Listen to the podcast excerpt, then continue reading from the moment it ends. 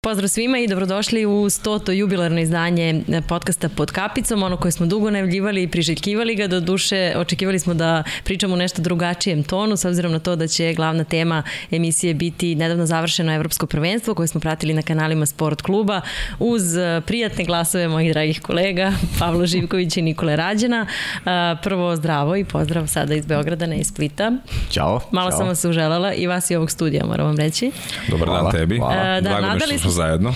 Da. Nadali smo se da ćemo ovu emisiju nekako voditi u nešto drugačijem tonu, možda čak i sa nekim od gostija, ali o tome ćeš više ti, Pavle, za ne? Da. Pa ja prvo da, da kažem da, da sam vrlo ponosan ovaj, na, na celu priču, na podcast koji traje već koliko vanje godinu i po dana, recimo da traje dve godine, dve godine, pune dve godine, da smo evo dočekali stotu epizodu, da je neka ideja od starta bila da onako promovišemo lepe vrednosti, a to je najbolje uraditi kroz vaterpolo koji je onako najtrofejniji sport na ovim prostorima, ne samo kad je Srbija u pitanju, već i region i tekako ovaj, je uspešan po tom pitanju. Da, da ukažemo neke probleme koje, koje prateće probleme koje ovaj sport ima i e, nisam tada znao da ćemo, da ćemo doći do, do, do 100 epizode i ponosan sam i sad imam, moram kažem da imamo svi zajedno energiju da ovo guramo do zaovek, volim da upotrebim taj izraz do zaovek, da idemo, idemo do kraja, kad je, kad je ova epizoda u pitanju, zaista je bila zamišljena drugačije. Mislio sam prvo da bude svečarska, da, da ovde bude i više ljudi, da, da se malo više možda i šalimo, da se malo podsjetimo onoga što, što se dešavalo tokom ove dve godine. Šalit ćemo se svakako. Šalit ćemo svakako, ali, ali su onda okolnosti dovele do, do malo drugačije situacije. Prosto mislim da nije bilo zgodno da danas ovde sede ljudi e, koji su koji više nisu unutar reprezentacije, jer neizbežna tema bi bilo što se dešavalo što se dešavalo u Splitu. U Splitu da. da, želeo sam da, da, da neko od aktera iz Splita bude ovde, selektori, igrači, ne znam, ljudi koji vode reprezentaciju, međutim moram reći da nisam naišao na, na, pozitivnu, na pozitivne reakcije. Ne, ne, nisu to bile negativne reakcije, nego ljudi su tražili malo strpljenja, nisu bili spremni da sada pričaju i tako dalje. Tako da, eto, ostaćemo uskraćeni za informacije sa lica mesta, jer moramo složimo da je ovo bio debakl da. generalno u Splitu. Tako da od ove epizode, kada mi budemo malo ovde opet analizirali, kad se budemo malo bavili Splitom, od sledeće epizode ljudi koji vode Savez, ljudi koji brinu reprezentaciji, vrato će im otvorena dođu da kažu šta imaju kad god, ali od sledeće epizode vraćamo se onom starom konceptu Uh, ono što, što smo se dogovarali ranije, Gojko Duško i Pjetović će biti ovde zajedno, stvarno nije u redu da, da te ljude dovodimo u situaciju da pričaju o o reprezentaciji nisu više deo od reprezentacije, nema potrebe da se da se oni izlažu ovaj ovaj tim pitanjima. A ova ekipa je ovde radila od prvog dana, Nikola ja u studiju od početka, tako da samo ćemo da ovaj negde malo podsjetimo šta smo pričali u studiju, možda ima nekih novih informacija koje ćemo podeliti, analizirat ćemo sve zajedno. Mislim da to gledaoci podcasta zaslužuju da da se bavimo aktualnim temama, a bit će u budućnosti prilike da se vratimo on, onim starim konceptima. Biće svakako prilike da proslavimo ovo 100. izdanje, ajde prvo da, onako, da. da ono prođe zvanično, da zaokružimo na broj 100 pa ćemo lako da slavimo iz epizodu u epizodu. Nikola, ti si bio tu sve vreme, pratio si ne samo ovo prvenstvo, nekako si sa nama u ovu priču ušao, čini mi se zvanično na Final 8 Lige šampiona. I ranije a i ranije, da. da. Uh, u svakom slučaju uh, bio si nam, pa ja bih rekla glas razuma u vezi sa svim onim uh, što se dogodilo u Splitu kada je reč o reprezentaciji Srbiji, neko ko će reći onako kako jeste i kako stvarno stvari stoje. Jel se promenilo nešto od onda kada smo razgovarali u studiju eto, o, o ovom debaklu što kaže Pavle? Imamo li neke nove informacije? Pavle ja nismo nešto uspeli do nekih zvaničnih stvari da dođemo. Jel se pomera nešto u Savezu? Jel se radi na tome i misliš li da je to zaista stoji iza, iza ovih odbijanja, ajde tako uslovno rečeno da kažem, svih ovih poziva u emisiji? Pa prva stvar, dobar dan svima koji prate podcast i koji će da prate ovu jubilarnu stotu emisiju, epizodu, kako god nazovite. Pa nažalost ništa se nije promenilo u svetu vaterpola još i gore, ako ćemo iskreno pričamo, mada ne, ja ne bih da previše kvarimo ovu stotku, jer nekako ta stotka je na neki način i obaveza. Da kažem, i svih nas i svih vas i gostiju koji su bili ovde i pričanje o vaterpolu 100 puta je mnogo. Kad da. kaže da je 100 puta. A vi to veoma lepo radite i vi to radite na najbolji mogući način i na naj najčistiji mogući način što se tiče vaterpola. Niko nema takve formate, niko nema broj 100 što se tiče vaterpola, ajde kažem u nekoj video, u nekom video materijalu. Uh -huh. Tako da svaka vam čast kapa dole i želim vam još hiljadu puta sto. Kapica dole. Da, da, da. Kapica dole, to kad se završi karijera. Uh -huh. Sad možda kaže ovaj- želim nam, pošto si ti deo ovoga. Da. Tako da. Pa dobro, vi, vi ste, vi ste ovako mene na neki način pozvali i... Pa ne, i mi smo tebi izabrali. znači ja sam chosen one. Ja. Pa da. si izabran, jes. Da, yes. krunisan sam kao ovaj kapicom da. podcast. Ok, ma ne, hvala, ali tu sam stvarno da pomognem, jer ja mislim da je ovo jedna super stvar razgovarali smo više puta bez obzira na, na dešavanja koja su bila i takmičenja koje su bila, mislim da je ovo super stvar i mora da se održava živi na bilo koji način. Vi to jako uspešno radite uz mnogo muke, truda i ljudi koji su iza kamere, treba im odati, odati uh, poštovanje. Uh, ono što se desilo u Splitu, mi smo nas troje, to jest nas dvoje smo razgovarali da, da nije sigurno pravo lice reprezentacije Srbije, da nije ono kako treba reprezentacija Srbije da se predstavlja da nastupa. Čak su i neki treneri to iskoristili pa da onako malo govore da Srbija nije imala dobar dan u, u bazenu, pa su iskoristili da pobede, da Srbija nije, da nikad nije bila gora ka, od kad je gledaju, da Srbija nikad e, nije lošije izgledala, da Srbija u istoriji od 30 godina nije zauzela lošije mesto na bilo kom takmičenju, tako da ono što smo rekli da da je još gore nego što je bilo, jer mislim da se ništa nije pomerilo u smislu javnog nekog obraćanja, e, sabiranja utisaka i tako dalje. Evo, prošlo je, prošlo je koliko? 7 dana, je li tako? Tako je. Tako je, da. Evo, sad ćeš malo 7 dana košarkaši su ispali pa su oni preuzeli taj teret da, or, or, ogorčenja nacije da, da, pa kao mi smo se tu nešto ono uh, dobro nismo samo mi što je jako ne, ne, što, što je jako da, da odbojkaši takođe što je jako loše. E sad e, Rvači su napravili super stvar, očekujemo fudbal. Mislim, da mislim da, mislim da evo Waterpolo je no, iz, izašla je raspored Jadranske lige, izašao je raspored e, srpskog šampionata i to je to. Mislim da mi nećemo biti uskraćeni zadovoljstva da se čuje neko veće saopštenje u odnosu na ono što si ti uzela Aleksandra od izjava u Splitu i što su bili neki pojedinačni intervjui, tako da odnos prema Vatrepolu nije dobar, prema neuspehu nije dobar, nije realan i ne uliva mi neko velika poverenja da se bilo šta se promeni u smislu organizacije i krovne institucije koja je zadržana za Vatrepolo sport. Mora budem mhm. iskren. To je za mene jako krivo. Što se tiče momaka i što se tiče Dejana Savića, mislim da, će, da su tu stvari jasne i apsolutno poverenje uh, imamo u selektora i znam da će onda preduzme adekvatne mere u odnosu na ovaj rezultat koji je bio u Splitu. To ćemo već vidjeti na sledećim okupljanju, pripremama, takmičenjima, tako da mi posle ovog devetog mesta gore sigurno ne možemo, a bolje sigurno moramo. Eto. Da. Uh -huh, uh -huh. Ja bih samo da dodam ako mogu povodom ovog stotog izdanja, koliko je samo bitno uh, trajati u bilo čemu. Znači nije samo to bilo ajdemo da krenemo pa ćemo videti šta ćemo do 10. 20. 30. epizode i znam koliko i dok nisam zvanično ušla u ovo, znam koliko je uh, Pavle vremena i snage izdvajao za to da pojedine ljude dovede. Ne pojedine skoro sve goste. Mislim Podmladio da je to bilo... su prve epizode, vidiš? Ja, da, ja mislim da. da. Prijemo naše idemo društvo. Naz, idemo nazad sad.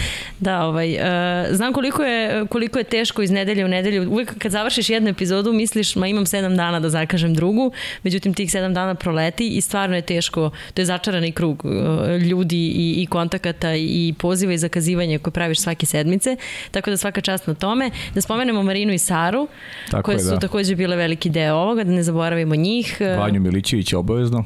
Vanju, tako je, našu dragu Alex koja nam na Instagramu stalno Jeste, šalje i pomaže. Milošević ovaj, da. takođe. Uh, I sve, sve ljude koji su nam ikada poslali bilo koje pitanje, jer su nas stvarno podsticali da radimo sve bolje i svake sledeće epizode budemo što precizniji i konkretniji i da, e, da istrajemo u ovome. Um, ono što mi još onako ostavlja utisak kada bih sve zajedno morala da, da sabiram, naročito sada nakon Splita i sa ovim tvojim podcastom, odnosno našim, je to da je podcast pod kapicom bio tu i kada su se osvajala velika zlata i posle velikih uspešnih utakmica i finala i sada kada i ne ide baš sve onako kako smo zamislili, tako da mislim da je i to odlika nekog kvaliteta i, i da je to dobra naplata svega onoga što pa- si radio do sada, da možeš i sada da sedneš za ove sto i da radiš svoju emisiju neometno. Znaš kako, ja, ja to ono što smo pričali Nikola ja u, u, u studiju, mislim da, da je neophodno biti otvorena guma i pričati o svemu. E, kada pričaš o, o, o zlatu, podjednaku vrednost ima, možda još veću vrednost ima pričati o problemu i, i rešiti problem. Zato je ovaj studij otvoren za, za, za svu vrstu razgovora. Mi smo profesionalci, sad pričamo o nama ovde, ti ja, ti ja se bavimo novinarstvom i hoću se baviti novinarstvom. Hoću da, hoću da i kada nije dobro, da pokušamo da nađemo rešenje. Ne zanima me novinarstvo koji ima neke primese žute štampe neke stvari, neke stvari smo mi znali e, šta se dešava. Ja i sad evo kažem, ja, ja, ja sam znao šta se dešava. Nije na meni da kažem neke stvari koje su se dešavale tamo. Poenta je da neko iz organizacije da, da se prihvati odgovornost i da se kaže javnosti e, kad izađeš i ispričaš nešto, zatvoreniji si za neke dodatne spekulacije. Znači, ne, sprečiš nešto, unapred, da, sprečiš znači, unapred spekulacije nešto, i izbegneš bilo kako moraš, nagađanje. Tako je, da. znači moraš da budeš veliki u porazu. Da i u porazu kažeš e, gde su problemi, šta sam ja uradio loše da, e, da, da, da ekipa izgleda tako očano u bazenu. Jer poenta cele priče je Srbija izgledala jako loše u bazenu. Ne moramo ovde da znamo vaterpolo. Nikola nije morao da igra vaterpola da vidi da jedna ekipa ne funkcioniše kako treba, da prosto nema timskog duha. I to ono što smo, što smo pričali. Ja stvarno mislim da uh, ozbiljni ljudi uh, moraju da sednu za sto i da razgovaraju. Da ne sme da se gura problem po tepi, nego da se izađe upravo to često koristite izraz, ali to je stvarno neki, neki moj stav otvorenog uma govoriti o onome što, što je problem. Da, ja moram ne iznositi neke stvari koje su da. unutra, da. koje su između, između igrača, odnos, odnos trenera sa igračima, to je nešto mogu sami da reše, ali prosto, prosto neke stvari moraju da se kažu i moraju neki potezi da se preduzmu. Kako bi sutra bilo bolje. Da, jer, jer juče ne postoji, u životu ne postoji juče, postoji samo sutra. A ne mora da pričamo o tome šta je bilo juče. Ajmo da pričamo o onome šta će šta biti sutra. Čeka, da. Tako je. E, pa ja, ja isto moram da se nadovežem ono što je Nikola rekao. Nisam uopšte optimista po tom pitanju pomeranja stvari u napred, jer ovih sedam dana nam nešto i nije baš uh, toliko toga reklo. A bojim se da upravo ulazimo u tu fazu guranja po tepih, neke letargije, zaboravljanja uopšte šta se desilo. Jer eto, naiđu nove stvari, ono ovde je svakog čuda tri dana dosta, onda idemo dalje. Um, nije se niko oglasio zvanično. Uh, sad možemo opet da pričamo o tome da li znamo nešto, da li su se ba, održali sastanci ili nisu. Uglavnom, ništa se nije pomerilo sa mrtve tačke. Uskoro će krenuti klubska sezona, to će jako brzo doći. Pa već, Krenut će kvalifikacije stvari za, da, da. Za, za ligu šampiona i sve će se to nekako sakriti čini mi se do te, da, do to je Fukuoke koja nas najviše sve zanima i uh, koju je Srbija izborila srećom pre ovog evropskog prvenstva pa nije morala da dođe u situaciju da, da tamo igra za to. Uh, tako da nisam što se toga tiče optimista, ali ajde da ne bude da ovo što si spomenuo što se naše strane posla tiče. Uh, nekako se svi ovi naši, tvoji Nikolini pre svega apeli, pozivi da se stvari rešavaju, da se o tome govori, da ne moramo mi sve da znamo da bi se nešto rešilo, ali da oni međusobno u tom krugu stručnom reše Um, često se shvataju malo i kao m, onako buntovni ispadi više. i napadi, kao da mi želimo... Jel, nisam znao, da, stvarno. Da. Pa da, pa ovaj, ali Tako to, da ne bih hvala samo da, da, da to um, poprimi te uh, oblike nekog žutog novinarstva ili nečega, jer nam to zaista nije bila namera, to je u stvari poslednja namera svega pa, ovoga. Pa, pazi, mi smo mogli da budemo deo da. žutog novinarstva žute štampe da smo da smo hteli. Da smo hteli, da. Ali Odavno i, dalje, i dalje da. to nećemo i, i to, uh, to iz, iz ovog studija neće izaći nikad. Da, i meni Zato što to... postoji, ne znaš kako gledam ja, postoji nešto se zove viši cilj. A viši cilj je, mi smo u službi, e, mi smo negde u službi onoga što je vrh piramide, a to je reprezentacija Srbije. Da. Je tako? E pa i mi se tako ponašamo, pa treba da se ponašaju i tako i akteri, oni koji su neposredni činioci, oni koji najviše treba da utiču da reprezentacija Srbije izgleda u bazenu kako treba. Da svi ti spoljni faktori, znači mi se ovde ponašamo svesni da je vrh piramide u vaterpolo sportu u Srbiji reprezentacija Srbije. I nećemo da zadiremo u nešto što se zove privatnost. Da. Ali hoćemo, kao profesionalci, hoćemo da znamo šta je sutra. Ne moramo da znamo šta je juče. To nas ne zanima. Da, Generalno ja, u životu, konkretno... juče, pojam juče, Bilo. Prošlo. Ajmo da vidimo kako ćemo iz ovoga što je bio potpuni debakl, kako ćemo da izađemo sutra. E, zato to neko treba ponudi odgovor i to je to. Konkretno je to pitanje moje upućeno selektoru Dejanu Saviću o Dušanu Mandiću na kraju posle te utakmice protiv Rumunije. E, izazvalo, ajde da kažem, postalo i viralno i ljudi su to šerovali po društvenim mrežama i tako dalje i e, glavni neki komentar koji sam ja uspela da vidim je ili svaka čast što si ga to pitali ili ne. Sad ja uopšte ne smatram da je to bio, bio neki hrabar potez. Pa ne, nisi ne da bih sebe, na bazenu. Da, ne da bih sebe podcenila skromno ili nešto, nego bih jednostavno jednostavno je to bio naš posao. E, stvarno se dogodila ta situacija što kaže Pavle da većina i vas ovde u Beogradu i nas tamo u Splitu je otprilike negde počela saznaje šta se dešava, odnosno da se nešto dešava.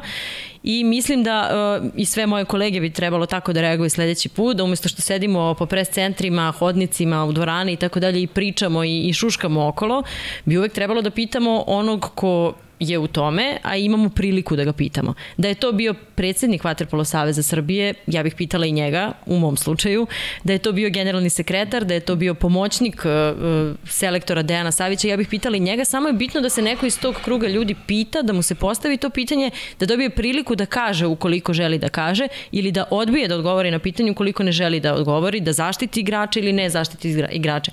I svaki odgovor bi nama nešto otkrio. Čak i taj da, e, ne želim da ti odgovorim, bi isto nešto rekao.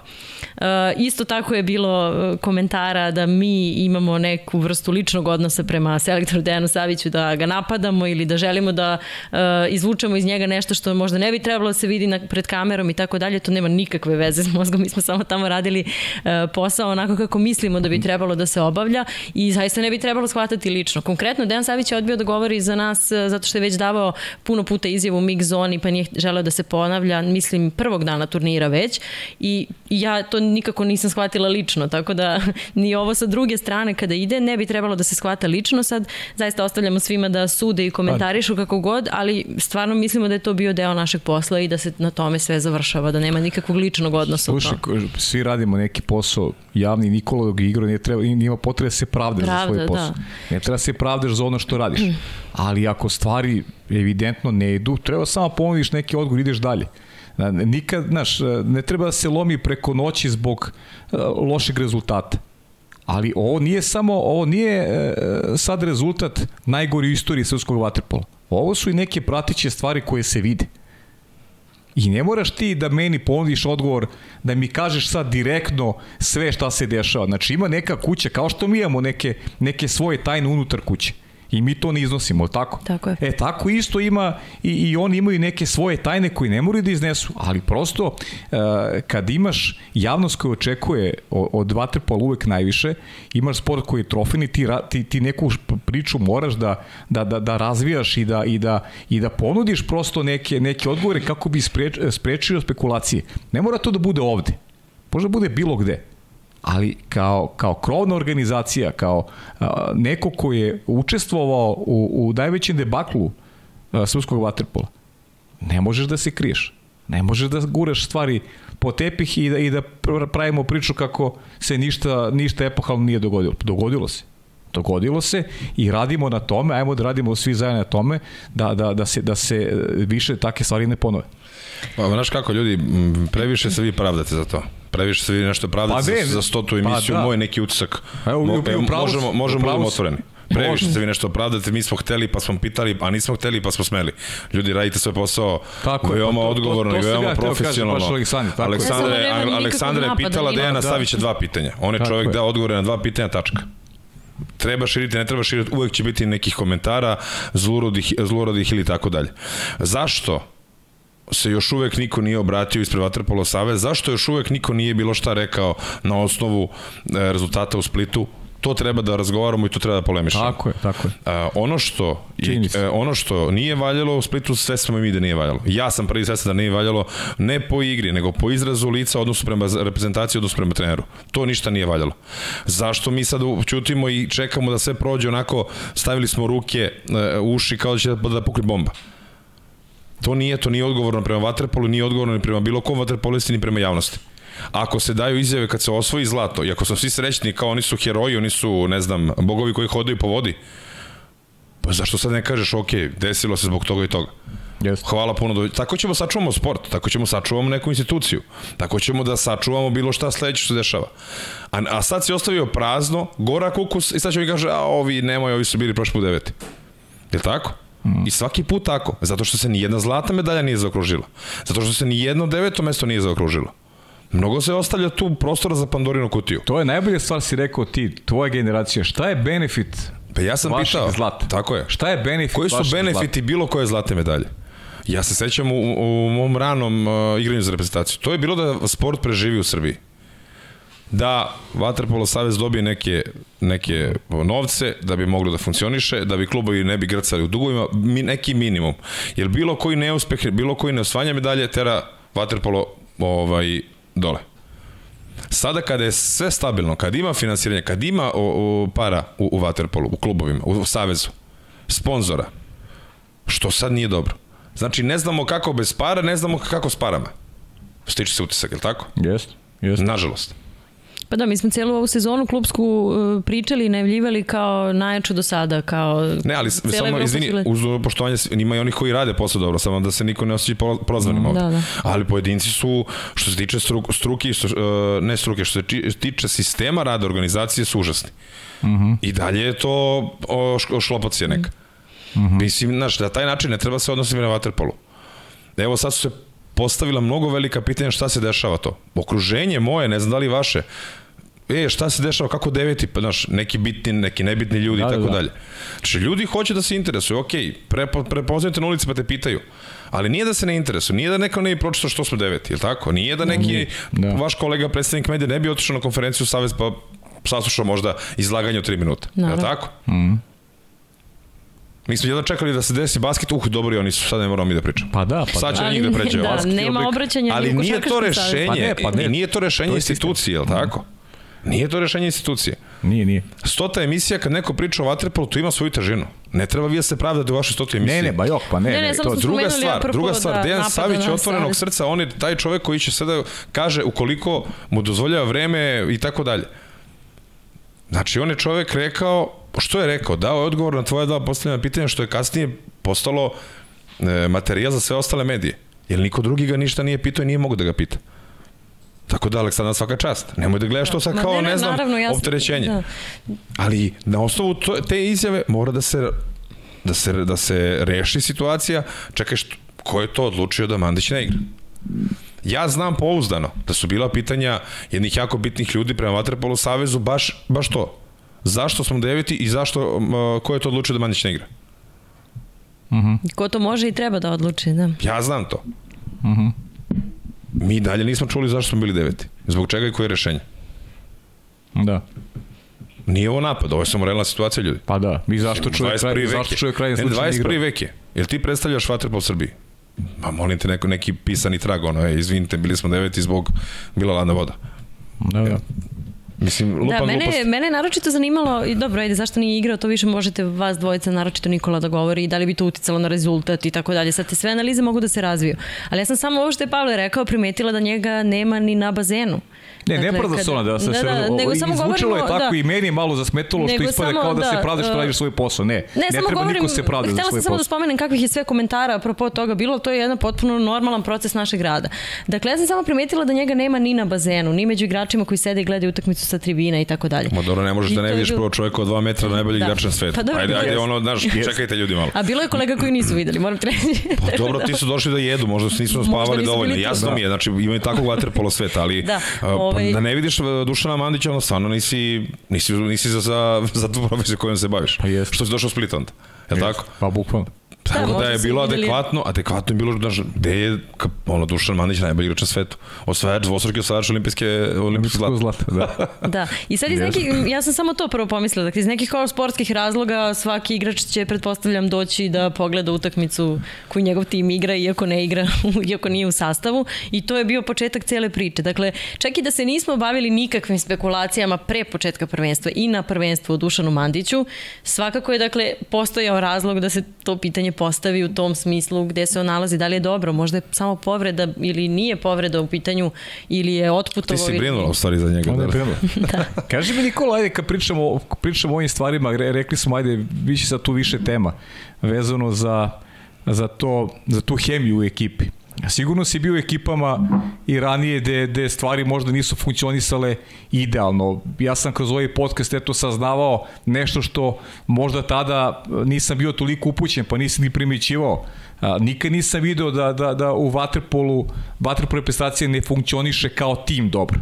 Mada u, sam, u bazenu, u bazenu. U bazenu, u bazenu, da. Pričamo u bazenu. Tako je. Uh, pa sam onda spoznavao, ne znam, da li je Montreal bio 2004. peta, koja je beše kad je bila peta, ili tako, peta godina, četvrta pozicija, onda sam saznavao od aktera da, da baš tu atmosferu u ekipi nije baš bila dobra, to, to sam Izvini, kasnije tek Montreal je bio 2007. Ili 2007, mm -hmm. je tako? A, ok.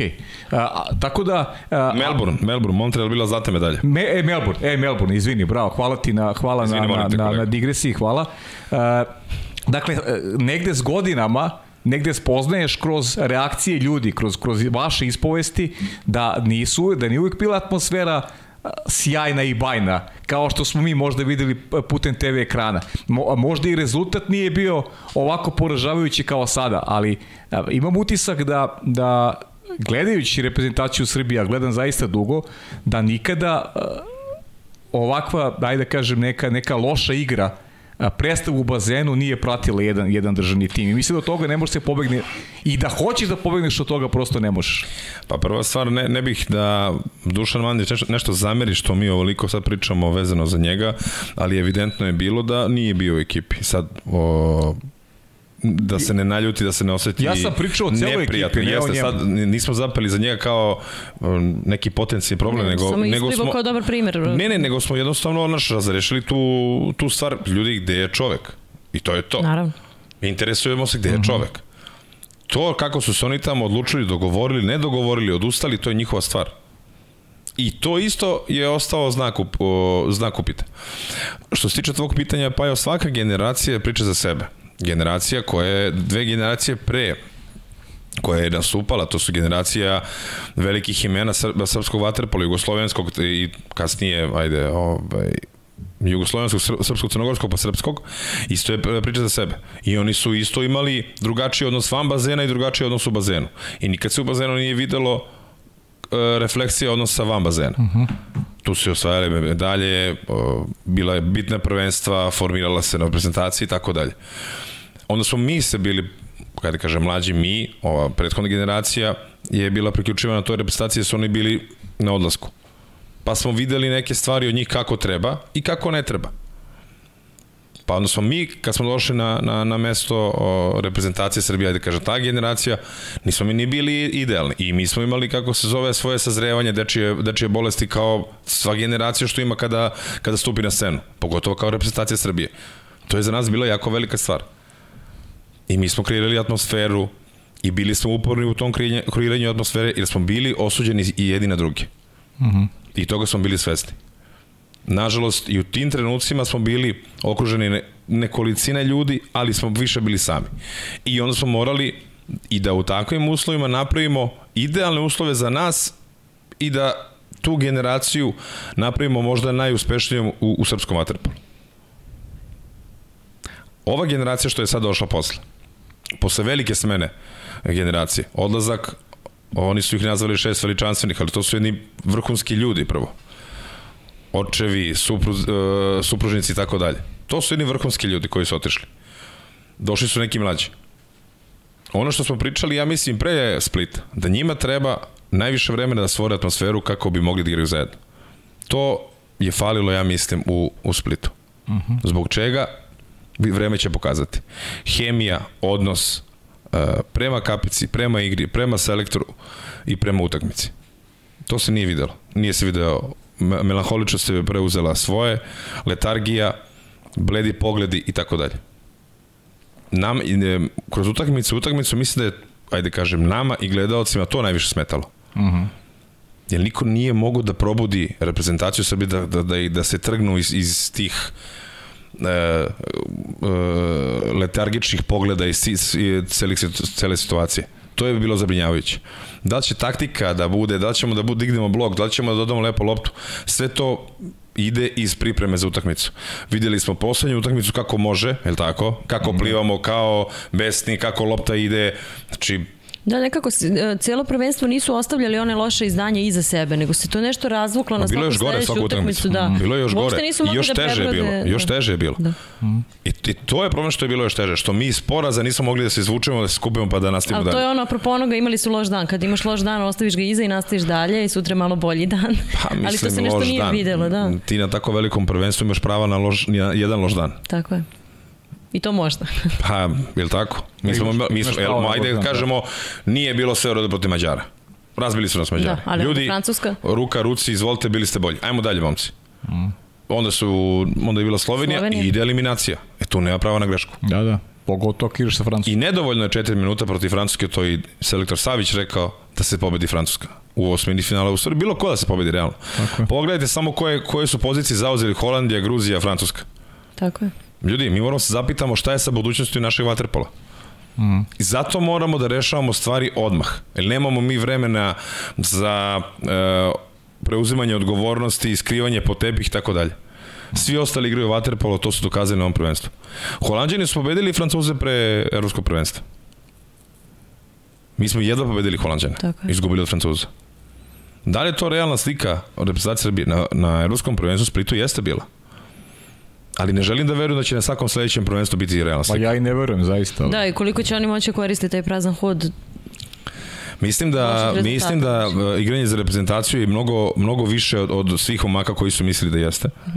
Mislim da igranje za reprezentaciju mnogo treba da znači za njihove karijere i oni to moraju da, da skapiraju što pre. Mislim da reprezen, reprezentativna kapica Srbije njim znači puno u odnosu na i na klub, i na život i tako dalje. Ukoliko su se opredelili da se bave vaterpolom, moraju da se bave vaterpolom. Ukoliko su opredeljeni da budu reprezenta- re- reprezentativci Srbije, moraju da znaju koga predstavljaju i šta rade. Znači, to sad pričamo o nekim osnovnim postulatima e, vaterpolo kapice reprezentacije Srbije. Da, i to što pričali, nasleđe. Nisi završio priču time što si ušao u reprezentaciju svoje medalje. Ne, obaveza ti je da pripremiš sledeću generaciju, da im ti pomogneš prilikom ulaska u državni tim. Sad ovim novim mladim momcima koji su došli, ajde da krenemo od najmlađih, Pljevljančiću, uh, Brankoviću, Vasiliju Martinoviću. Ti momci uh, mogu da ostaju reprezentaciju samo ako im ti daš pravi primjer. Ti kao stariji koji si već prošao, ne znam, uh, što se kaže žargonski sito i rešeto, što si uzeo veliki broj medalja zlatnih, kako su tebe uvodili e, Fića, Andrija, Nikola i ostali, tako ti imaš obavezu da uvodiš te mlađe i da im budeš pravi primer, da ostaviš nešto amanet e, sportu koji je i tebi e, pomogao da, ne znam, i dođeš do nekih velikih rezultata, u krajnjem slučaju da i da živiš lepo i, i sve što ide uz Kao što su i ti mlađi prateći. u obavezi da to prihvati i da tako je. budu otvorenog uma, ono što si rekao, a ne da, da Mora tu očekuju postoji da će jedna, to... jedna, jedna simbioza uh, Da. Pa ne, svega. ne postoji otvoren um kada dođe dvostruki olimpijski šampion i kažete vidi mali, ovo sad ćeš ovako. Tako Veruj je. mi, probaj, to se tako radi. Tako je. Nema otvorenog uma. Kažeš hvala, doviđenja, prijatno, jer trebaš nešto. Jeste. Bukvalno Samo da se skrati, ne, ne kažem da sad treba to da bude, ne Naravno, znam nija, naravno, da. ali samo da se skrati taj prostor, otvoren um postoji kada se razgovara, kada je dijalog. Jeste, jeste, jeste. To je to. Uh, ali ovo, ulaziš u reprezentaciju, pa gledaš sva ona svetla, pa onu publiku, pa e, ajde ovo, pusti, odbrani, plivaj, da. Da. primi loptu, da, E, tako se ulazi u reprezentaciju. Ono što najbolje znaš, radiš, radiš i sve snage. Ono što ne znaš, ne razmišljaš o tome. Kad dođeš u priliku to popraviš, onda ga popravljaš. Mm. Ne možemo mi sada gledamo od nule pa gledamo gore. Oni su mislili, e, mislim, ne znam da li je, koji su uzroci i to isto možemo da raspravljamo. Koji su uzroci devetog mesta? Mi odavde iz, iz, uh, iz studija, uh, kada je stota emisija, možemo pričamo da li je to bilo nerazumevanje selektora. Da li je to bilo što nisu mogli da skapiraju njegovu ideju? Da li je to bilo loš odnos prema, prema igrištu? Je sigurno bio loš. Da li je to bilo što su oni imali neki taj pritisak svih tih medalja i trofeja, pa su oni to hteli da stignu, pa su izgorili u želji. Mnogo tu ima nekih faktora i otvorenih mm -hmm. pitanja koji mo, možemo o kojima možda komentarišemo, tako? Tako Ali sada ne bi širili taj balon. Je li dovoljno, je li dovoljno velik? Jeste, dovoljno je jeste, velik. jeste. Ajmo osnovne stvari, jedno po jedno. Tako je. Mm, tako je. Da, Pavlo, hoćeš da se pohvališ poklonom? Pa da, Poklon hoću, ali imam još da pre... Da, dobro, mislim, hvala. Evo i, i ovom prilikom čestitamo hrvatskoj reprezentaciji na zlatnoj medalji. Ja sam se onako s nekim momcima i kontaktirao i ovo je od uh, Vaterpolo Saveza Hrvatske zlatni period 2007-2017 Hrvatska u tom periodu bili olimpijski šampion, bili i svetski šampion, do sada su postali, bili i evropski šampion u krajnjem slučaju 2010. godine u da. Zagrebu, tako da hvala, hvala ovaj, na poklonima, hvala drugarima iz Total Waterpolu, takođe ovaj Nikola ovaj, ove kupaće su da, od njih, od njih poklon, da, tako Malo su i male gaće, ali hvala im. Male su, da, male su, ali hvala, hvala na poklonu i sa Markom i ekipom onako vrlo lepo i drago sarađujem, tako da ovaj, svaka čast. Pričat ćemo, naravno, bavit ćemo se analizom, analizom šampionata i iz ugla novog evropskog šampiona, eto Hrvatska koja je koliko u 12 godina 13 dva puta organizovala evropsko prvenstvo i dva puta iskoristila prednost domaćih bazena, da je jednom u Zagrebu, jednom u Splitu i stvarno su bile sjajne te utakmice to, to finale baš bilo super odličan ambijent. I bavit ćemo se naravno uh, kasnije tokom emisije i, i, i analizom svega viđenoga. Ne znam da li da, da zaključimo ovu temu sa Srbijom mislim da da ima tu još neki stvari možda koji bismo mogli da se da se ovaj dotaknemo. To Nikola pre svega ovaj onako šaljem ti vruć klompir ti bacam u ruku. Ili ima nešto ili ima nešto pozitivno što si video kada pričamo o nekim o nekim igračima koje ti vidiš onako u nekom projektu za sledećih 10 godina, što se kaže. Ajde, stvarno jeste nezahvalno pitanje, ali prosto koga ću da pitam ako, ako ne neko ko igrao već jako da je na visokom nivou ovaj sport. Pa ono što treba da bude pozitivno, to je sada više niko neće biti siguran u reprezentaciji Srbije ili, ili uh mhm. -huh. na sledećim pripremama. I ono što je po, pozitivno, to će biti velika širi spisak ili veći, veća količina igrača na sledećem spisku Dejana Savića Ono što je pozitivno sigurno treba da bude ta poslednja utakmica u odnosu na sve ostale utakmice na turniru. To jedino mogu da vidim kao što je pozitivno. E, pozitivno je to da treba da se pohvale ti najmlađi igrači koji su učestvovali na na ovom njihovom, ajde kažem, drugom velikom takmičenju posle svetskog prvenstva, pre svega mislim tu na na Vasilija Martinovića, na Pljevančića, na Brankovića, mhm. -huh. to ti momci stvarno svaka im časti.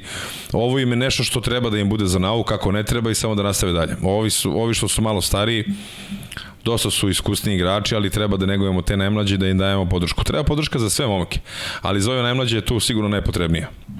Oni su se pokazali da imaju potencijala, ali morat će to sad što pre da to i dokažu boljim igrama što kroz sezonu u klubu i što na svakim sledećim pripremama.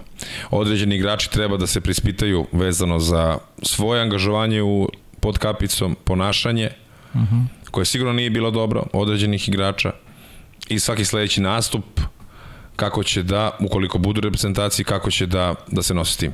Uh. -huh. To je neka jedan mala, jedan mala observacija ovog celog evropskog prvenstva, da više ne bi govorili koliko je sve bilo uh, manje prijatno. Ja mislim da ćete, da ćete vi kroz podcaste ovde vi pričati, otvarati teme sa raznim gostima i generalno popraviti tu celu sliku neuspeha i doći do nekog možda odgovora, jer od onih koga treba dobiti odgovor nećemo dobiti, nažalost, tako da još jednom kroz evo 100. emisija će biti inicijativa ovaj, uspinjanja srpskog vaterpola prema nekim novim visinama i boljim utakmicama i prvenstvima. Dobro, ja moram samo kažem, aj neću namrno da apostrofiram imena, ima ljudi koji, koji su ovaj, e, bili spremni, bili spremni, ali traže malo, malo vremena s ozirom da prema njihovim ovaj, rečima još se nije ništa e, dogodilo krucijalno, epohalno u smislu te analize da bi oni mm -hmm. mogli sada da iznesu nešto. Ok, ja i, i naravno poštujem, Pa, eto, vidjet ćemo nekim narednim epizodama, verujem da ćemo imati neki, neki info, što se kaže, iz prve ruke, vezan, kažem, pre svega za ono što je sutra, jer, jer realno, makar ja tako postavljam stvari u životu, ne zanima me šta je bilo juče, važnije mi šta će biti sutra iz te neke loše priče koje su odigrala, valje izvući pouke, možda nešto podeliti, ne možda, nego podeliti svako nešto javno, zašto se je dogodilo to kako se dogodilo, ali s akcentom kako će stvari izgledati sutra, jer Srbija ne sme ovako više nikada da izgleda kao što reče Nikola. Imamo primjer iz drugih sportova. Mi smo svi sad kao u šoku kako to Poljska igra polufinale evropskog prvenstva. Jer, jer mi za sebe mislimo da smo, ne znam, ono, duhovi prošlosti i dalje igraju, ne znam, Danilović, Đorđević i sad treba samo da se stvari, da se nastave kakve su bile. Ne, treba, treba raditi i drugi očigledno napravili, Poljska. E, da mi neko rekao će Poljska igra polufinalijskog prvenstva, ja bih rekao da je to, možda da. i finale, ja bih rekao da je to nemoguća misija. Je tako? Ali mi stalno ima, živimo u nekoj prošlosti e, Crvene zvezda prvak Evrope. Ljudi, to bilo 91. godine. Znači, da je dobro, nemoj tako pa je, molim te, pa da, malo se pristrasno. Ali, ali, ali, ali, ne, ali sam pričao... Pa Crvena zvezda svoju ligu šampiona u Vatrpolu pre 10 godina i ništa se nije promenilo. Ništa se nije promenilo. Pa, da. Ništa se nije promenilo. I to pa, je suština je cele mi, priče. Da, e, koje su naplate svih tih zlata? To je to što opet pa, dolazimo do izneša. Pa Znaš koja je naplata kad smo osvojili tu pre 10 godina, da, da dobili smo ugovore sve do kraja. Jer da nismo osvojili ne bi dobili ugovore. Da. Pričao si nam tu priču da, da, samo da. za tu sezonu, Nastavite, ali koje su dugoročne pa da, pa benefiti je, sve e, pa to je benefiti i ono što smo mi zagulicali neke, neke teme koje su, koje su realne. Uh, I sad ovo ne pričamo zarada Libija. Na zbog čega pričamo ovo sada? Zato što će sada ljudi više slušaju. Jer, jer mi smo takvi da nas generalno negacija nas je, o, više nas privlači, više nas privlači negativan naslov, neuspeh nego, nego što je to uspeh. Da, tuđa muka je uvek, Tu, tuđa muka je uvek interesantnija ne, nego bilo, bilo, bilo čiji uspeh, nažalost. Nažalost je tako, tako smo negde postoženi, ja ne znam šta je u tom genetskom kodu, šta je tu napravilo neki faul koji je očigledan, ali zato koristim ovake prilike da se priča i da se ukaže na ono što smo pričali i kroz prethodnih 99 epizode. Ajmo da pričamo o bazenima. Ajmo da pričamo o tome da imaš klubova u prvoj ligi koji nemaju zatvoren bazen. Da pričamo o tome da ima gradova koji imaju zatvoren bazen, a nemaju vaterpolo klubove.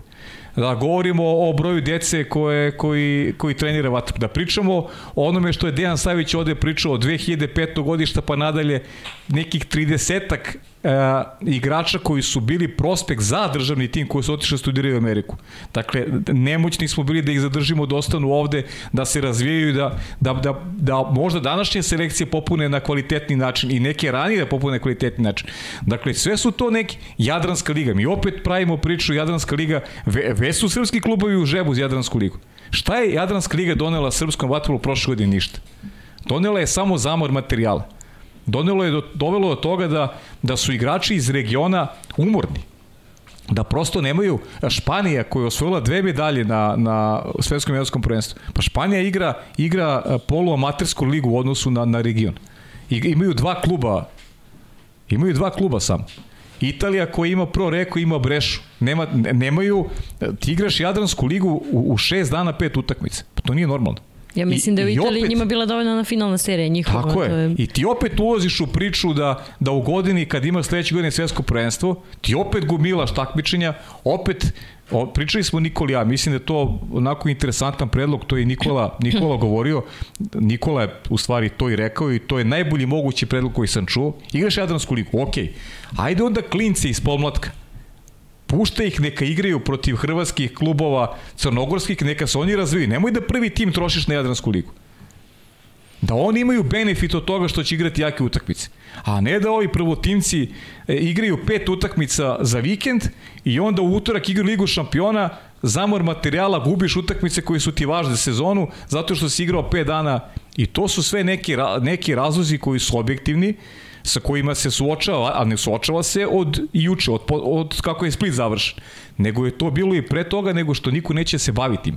Niko neće da sluša, a onda kada se dogodi neuspeh, e onda ćemo da gurnemo glavu po tepih i idemo dalje i opet, i kad je Jadranska liga u pitanju se iznova ništa nije promenilo, čak ni pouke iz Splita i Budimpešte nikom nisu doprole do mozga, nisu shvaćene ozbiljno da jednostavno u srpskom vaterpolu takva Jadranska liga zaista ne treba. Ne, bukvalno ne treba. Ma mi se uopšte ne želimo da se trudimo da bilo šta što je predstavljeno od formata takmičenja gledamo kako da bude benefit za igrače srpski ili klub, nego šaljemo to, ajdi tamo igre. Znači, samo da se štiklira nešto. Da. Koji su sad benefiti igranja Novog Beograda, Zvezde, Kragujevca, Partizana, Šapca? Oni će igrati Evropu svi verovatno, tako? Tako je. Pa da. I? Tako je. Znači, doći će, doći će do toga da će ponovo da bude putovanje busom do Splita, pa povratak vama putovanje u Hanover. Tako je. Da li vi stvarno mislite da neko to može da izdrži i da bude svež na utakmici? Pa evo, ne može. Da, on, ja, to jest, ja sam to pričao u prenosima. Zvezda Hanover, to je najbolji primjer. Zvezda, Zvezda Marsilj, kad sam radio sa lice mesta. Ugasili se momci uh, u četvrti četvrtini. I posle je kriv Aki Mihajlović. Pa nije kriv Aki. Kako? Ne mogu ljudi. Ne, prosto su se ugasili, umor. Neko treba da razmišlja o tome da su se ljudi umorili. Ljudi, dobro. I onda, I onda je ko je kriv? Kriv je, kriv je Aki je kriv kao trener. Ne, nema veze. Da. Pukalo nema veze. A, mislim da nije realno u, u situaciju u kojoj se nalazimo, sa koronom, sa vakcinacijom, sa testovima, nabijati toliko putovanja. Ajde kažem, ajde da napravimo benefit za klub. Znači, ljudi, prvi tim ne može da putuje. Ili, ne znam, devet igrača iz prvog tima. Ovih ostalih četvoro, plus omladinci ili, ne znam, juniori, ajmo da se kalite. Bacaš ih u vatru. Je li tako? Tako je. Tako je. I napraviš, kako se zove, neku konstrukciju, neku, neki sistem gde će oni da se takmiče. A ovako razvijaš Hrvatsku i Crnogorsku ligu. I oni bez toga ne, ne postoje, nažalost. U svo dužno poštovanje svih klubova iz Crne Gore i Hrvatske. Ma, ogromno poštovanje, ni, ni, ja, nije uopšte tema, ogromno poštovanje generalno i, i, i, i ovaj podcast, ja mislim, to sam svesno i želim promociju i da želim da bude bolji hrvatskom i crnogorskom vatrpolu. Ali kad pričamo sada u poziciji, e, ovo važi i za njih isto. Mo, možda ne u tolikoj meri kao za srpski, srpski klubski vaterpolo zbog e, količine klubova koji su funkcionalni i broje igrača. Ti sad imaš u Srbiji sve igrače koji su maltene u Srbiji. Redko ko nije u Srbiji. To je sad, sad, sad ovog leta su neki otišli. Ne znam, Petar Velkić, Dimitri Ističević, svi su, svi su bili u, u srpskom vaterpolu. Nemaš više igrača koji su u inostranstvu igraju za reprezentaciju. I oni su ti koji se konstantno izlažu nekim naporima koji su iz, iz mog ugla nepotrebni, apsolutno. Jel možemo sad probamo odokativno koliko su momci koji su igrali sva tri velike takmičenja ovog leta za reprezentaciju i igrali Ligu šampiona i domaće prvenstvo i regionalnu ligu otprilike imali utakmice ove godine? Između 80 i, i 90. I 90, da. da. Sigurno. I da računamo Sigurno sam. i, i priprem, pripreme osustvo. Računajte, tur, ne, ne, računajte turnire, kvalifikacije, pripreme turnire, pripreme turnire za, za svetsko prvenstvo, za evropsko prvenstvo.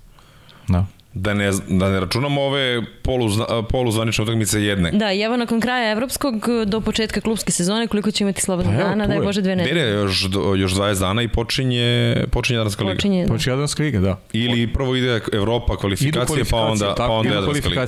Znači ide u kvalifikacije, pa Jadranska liga pa ide normalna, normalna takmičenja. Da, plus ide, Liga šampiona. Ide domaća liga plus Liga šampiona, plus Evrokupovi. I znači, ponovo ćemo imati, sad izvini što prekaj, ponovo ćemo imati između 25 utakmica, 35 pet utakmica do, do nove godine. Da.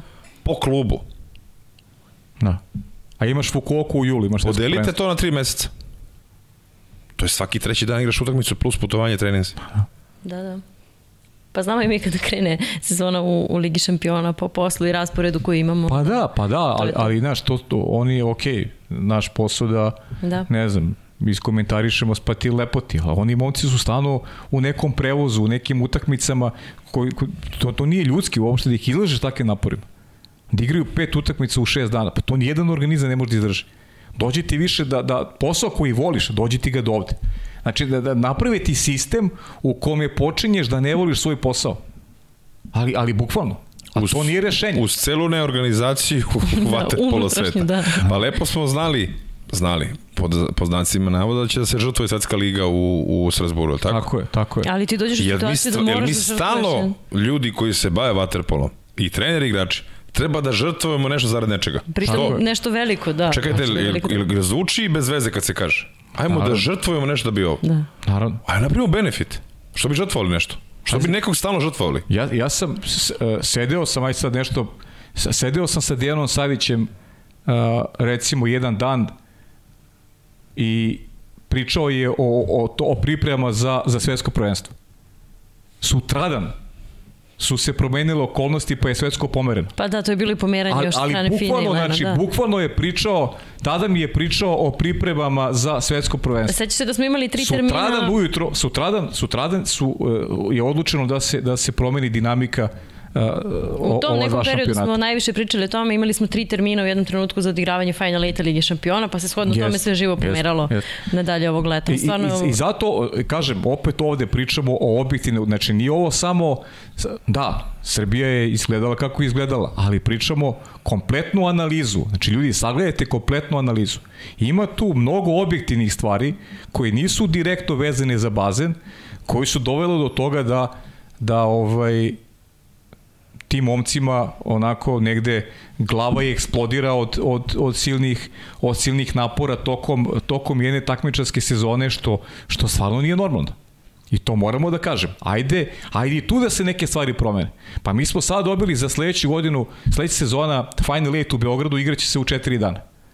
Tako je, da. Pa zar to nije moglo da bude i ranije? Il, il, il, da li neko ko pravi kalendar, da li njemu normalno da se igra u tri dana utakmice za, za titulu prvaka Evrope?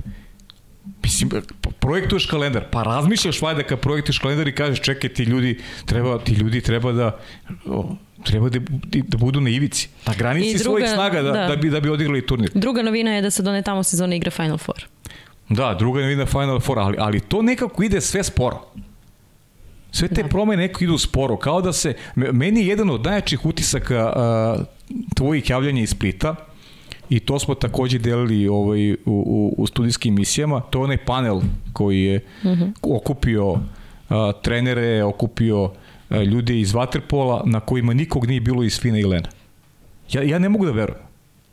To, e, to, to je stvarno nešto što, što, što je neshvatljivo da ti e, ne slušaš reči struke, da ne slušaš reči oni koji, koji mogu i te kako da pomognu kada pričamo o, o ne znam, o dinamici takmičenja, o, o nekim promenama koje, koje mogu igru da, da, učine, e, da učine kvalitetnijom, da, da, da je približe gledalcima. Vas to ne zanima apsolutno. Mi smo o tome pričali i na 11. aprilu, na kraju klubske sezone u Ligi šampiona na tom Final Eightu. Apsolutno svi igrači koji su se popili gore kod nas u studiju da nešto kažu su završavali upravo sa tom temom e, napornog završnog turnira, napornog leta koje ih očekuju u tom trenutku. Tri velike takmičenja pred njima za one momke koji će igrati kasnije u reprezentacijama i upravo to Andrija Prlinović je najviše o tome pričao, gde je glas igrača, da li nas neko nešto pita, kao sad su nešto skoro počeli malo da radi na tome, postoje odbor i komiteti i tako dalje Međutim, eto, desi se takav neki događaj, odnosno stručni neki panel ili e, seminar ili šta god to njihovo okupljanje bilo, ne mora da bude ni toliko zvanično i na kraju nema nikog iz Lena i Fine ko bi mogao dalje da prenese tako nešto. Sad ne znam, evo Nikola iz igračkog ugla mm -hmm. može da kaže, da li se zato sad sve toliko zakomplikovalo i podiglo na viši nivo, je li toga bilo uopšte u tvoje vreme? Takvih problema verovatno nije ni bilo da bi se rešavali na tom nivou. Ili ih uvijek ali, ih je bilo. Ali možda, da, ili ih je uvek bilo, ali su se rešavala, rešavale stvari na drugi način. Možda mi previše komplikujemo, znaš, možda mi očekujemo mislim, da to bude... Ranije to bilo to su bili pokušaj. To su bili pokušaj mhm. neki pravljanja i sindikata igrača i udruženja e, internacionalaca i tako dalje.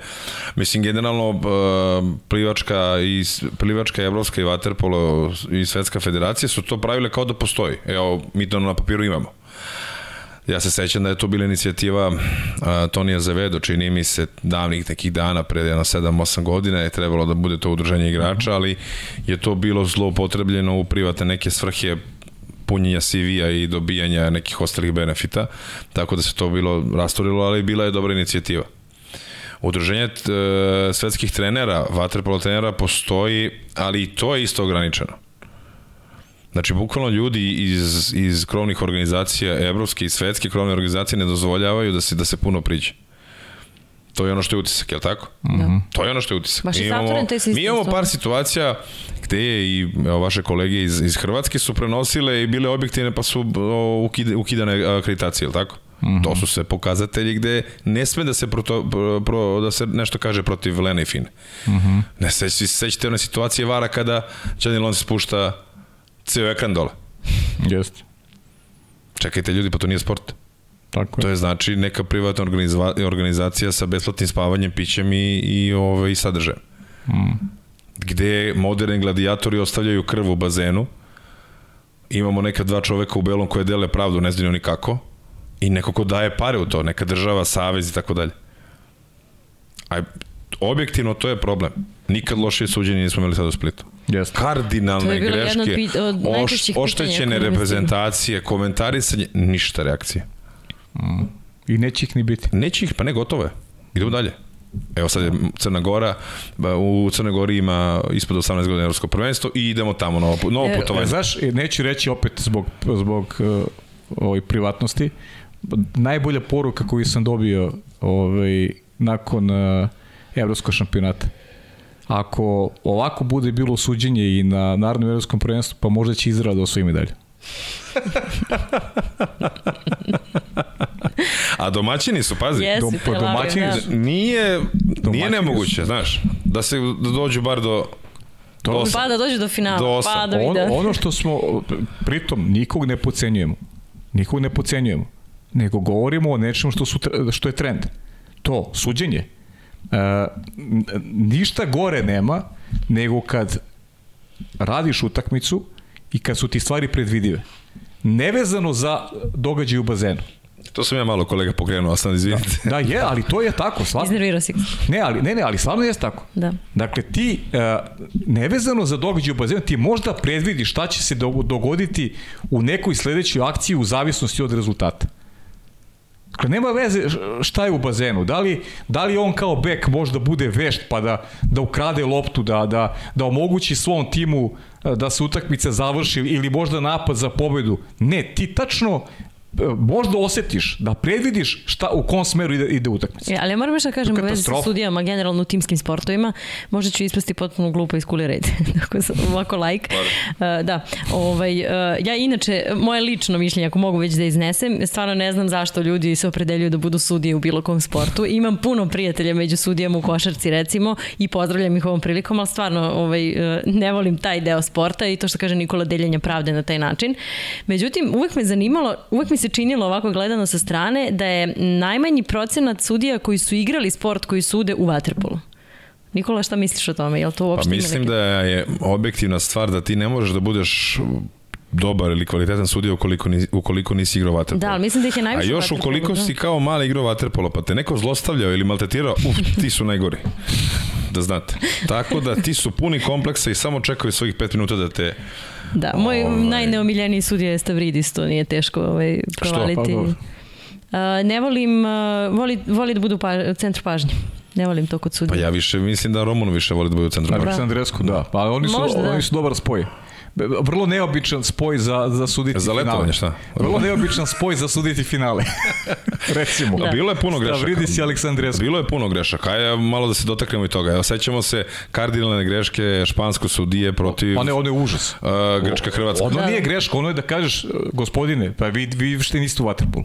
Kardinalne greške. Ono, ono je katastrofa. Evo, u razgovoru sa našim internacionalcem, da ga ne pominjemo, je bilo obrazloženje da je stativa e, stativa, znači govorimo sada da Grčka ima napad, stativa je ometala golmana da vidi putanju lopte i da se prebaci na, na drugu stranu gola.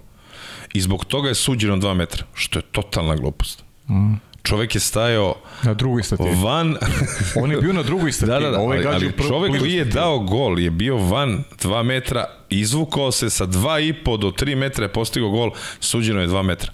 Direktno ste oštetili Grčku i bio još jedan poništen gol, to utakmici sećam se, direktno ste pon- poništili uh, gol Grčkoj koji možda mogu da promeni tok utakmice. utakmice, da. Pa da Grci budu prvi u grupi, Tog Hrvati drugi. Pa ne, Tog šampionata, ne utakmice. Tok razigravanja u grupi. Tako Šta je, bi da. kasnije bilo, ne znamo. Da.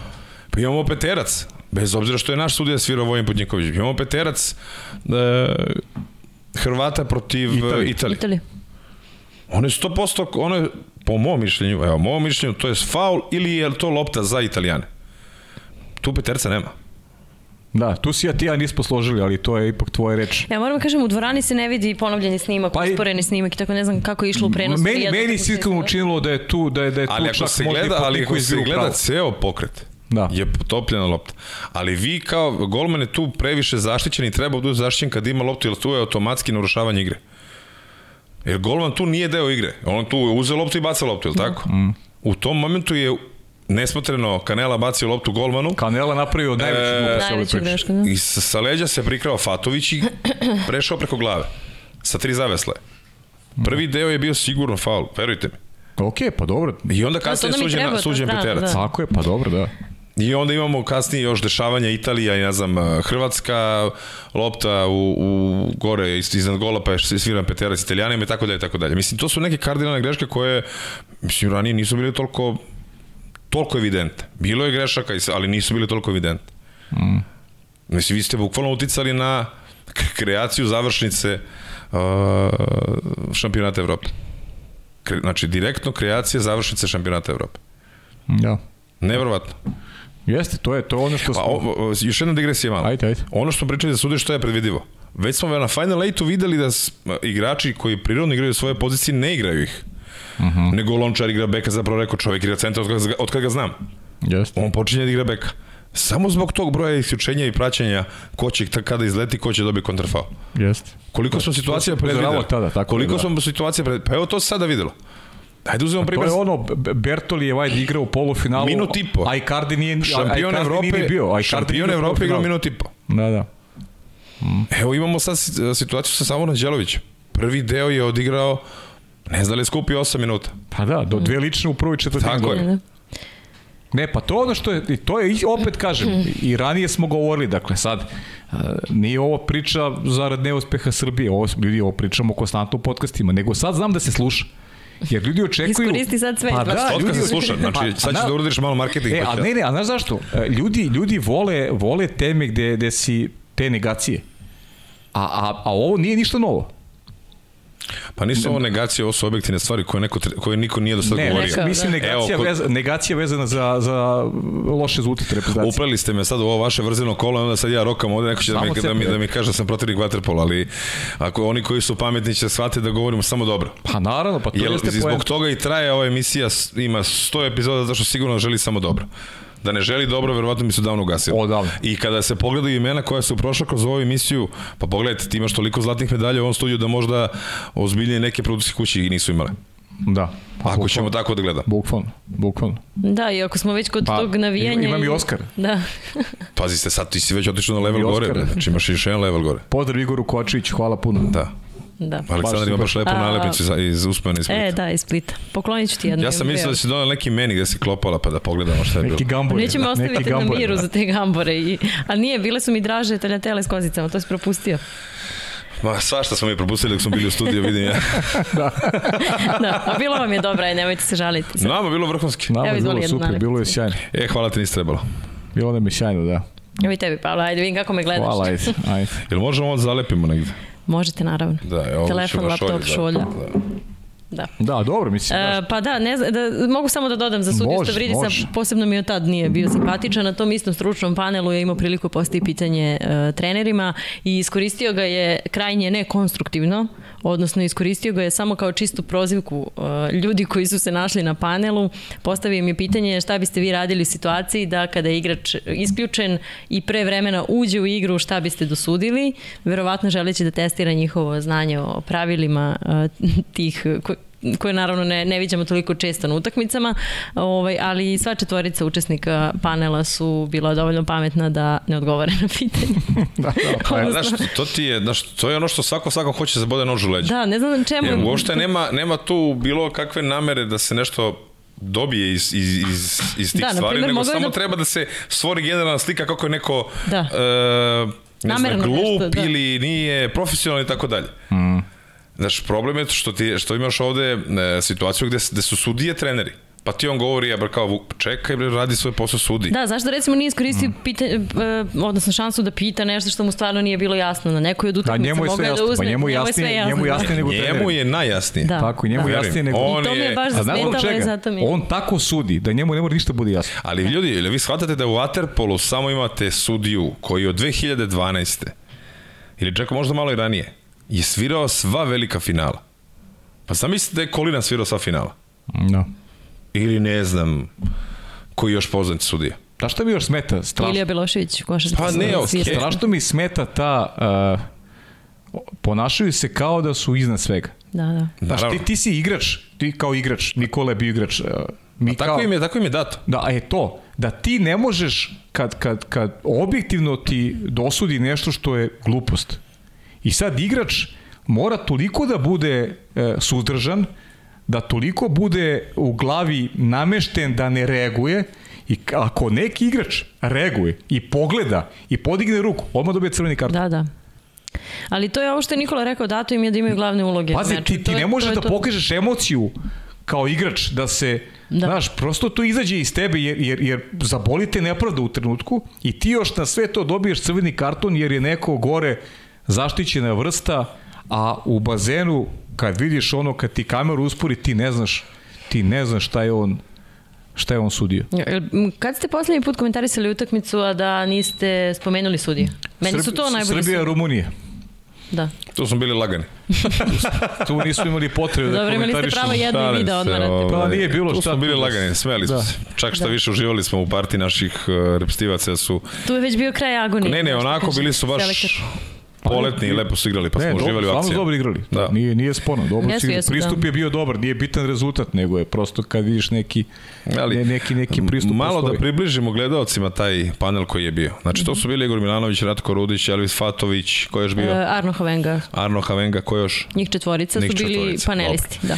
Znači, e, svako je govorio, svako ima neku svoju temu, Svoju pitanje i temicu, tako da, dalje. da. Ono što mene najviše brine sa toga, a to sam čuo od tebe, da je holandjanin Ar- Arno Havenga govorio o školskom sportu, je li tako? Tako je, o u- bazi e, devojčica i dečaka koju formiraju, na koji način e, selektuju kategorije, odnosno po godištima kako ih Znači, razdvajaju. holandjani će da, govore svoje iskustvo u radu s decom. Da. Da. A mi toliko medalja imamo u mlađim kategorijama, generacijama unazad, da mi nismo sposobni tome da govorimo. E, to je jedan upitnik koji treba staviti pored te teme. Mislim da je u svom predavanju I spomenuli... ja više ne bih pričao o tome. Da. A ima i dodatak. Naj, najveću bazu igrača imaju Holandjani. S razlogom su oni to pričali. Ne, ne, s razlogom, S razlogom, su, s da, razlogom da. su im Da, to da, da. pričali. E, To upravo i kaže Nikola. Inače si je spomenuo baš Havenga i e, Gruziju i Izrael kao druga dva najbolja primjera. E, I infrastrukture i Pa ništa, pa mi sistematizacije. samo da nastavimo onda ovako Pa Izrael osvaja Sve- sve okej. pri, i ti ćeš doživjeti 500 toga u 500 epizodu. pa ali da. ćemo pričati nekom drugom, nečem drugom. Ali, ali, ali ta por koji sam dobio, možda će jednog dana i otkriti od koga, zaista možda eto Izrael bude u konkurenciji za medalju na, na narodnom prvenstvu. Ništa, naučit ćemo izraelski za dve godine, pa ćemo da... Jer, jer šta, si, šta, si mi rekao, šta si mi rekao u, u studiju jednom prilikom? Kada smo tumačili, i to ćemo da se dotaknemo, da ne zaborimo devojke, naše drage devojke, e, da, da koliko je napredovao Izrael u žensku konkurenciji. Tako Na prošlom prvenstvu Europe Srbije je pobedili Izrael za deveto mesto, da li su bili peterci ili gol dva razlike, Tako nije ni nešto. važno. Na ovom evropskom prvenstvu Izrael pobedio Srbiju deseta golova razlike. Da. Bez, bez većih, znači, koliko je napredovao, koliko je napredovao Izrael u ženskoj konkurenciji ulažu u waterpolo, očigledno ima potencijala da, a mi, mi da o, o, nastavimo da se smemo, da se smemo drugima kad napreduju, jer jer ćemo da baziramo našu budućnost na istoriji. Ćemo da Ne, mi baziramo našu uglavnom budućnost. imamo stav da je taj njihov uspeh Ne, ne, trenutan. nego ćemo Znaš, mi da našu, sad. na, na našu, našu budućnost bazirat ćemo na istorijskim zaslugama i na onome što je bilo nekada, a nećemo da radimo, da ulažemo u infrastrukturu, u bazene, u to kako da animiramo decu, kako da, da, kako da stanje sa, sa trenerima bude bolje, kako da vratimo neke trenere koji su otišli a, podavno, da, da oni e, preuzmu ode brigu o, o deci koji sutra treba, kako bazeni da konstantno imaju zadovoljavajući, zadovoljavajući temperaturu vode i tako dalje, tako A s dalje. jedne strane, Pavle, moram ti postaviti jedno pitanje. E, pričali smo koliko je dobro i lepo to što je jedan klub prošle sezone uspeo da vrati najjača imena srpskog vaterpola i trenutno najjače igrače u Srbiju. E, pričali smo o jednoj od najjačih liga u Evropi i svi su se i pribojavali negde da igraju ovde i tako dalje od ostalih klubova. E sad imamo jedan od najvećih neuspeha reprezentacije, pa sad apropo one priče i o košarci koju si spomenuo, koja je malo bacila senku Da. na neuspeh vaterpolista, takođe Zvezda Partizan u Euroligi, pompezna sezona, pojačanja kakva možda nismo čuli i navikli na ovim prostorima i onda neuspeh reprezentacije. Jel vidiš tu negde ne, neku A to je, simptomatičnost to, je ili ne? sup, to je super pitanje, to se ja Nikolu pitao u studiju i opet ću iskoristiti priliku da za one koji nisu gledali naše studijske emisije da on kaže na tu temu, pošto mislim da je mnogo pozvaniji. Da smo ti ja Naravno. sami, ok, ja bi, ja bi probao ti dam odgovor, ali mislim da, da je mnogo, mnogo realnije ovaj, e, da, da Nikola priča o tome. E, nisi, nisi, ponovi. Izvolite pitanje. Znaš šta, da, pričali smo- Svidela mu se nalepnica, Da, izvini. da. E, da, Ajde, ti kaži. e, pa, pa spomenuo je Pavle eto, ulaganje u vaterpolo kao takav i ja sam ga prekinula rekavši e, da je simptomatično mi je to da evo imali smo prošle sezone taj jedan klub koji uspeo da vrati jedan od najjačih igrača tre, trenutno srpskih u, u Srbiju, dakle da igraju ovde, da ih gledamo u domaćoj ligi. Pričali smo o tome koliko će to biti značajno za ceo vaterpolo u Srbiji.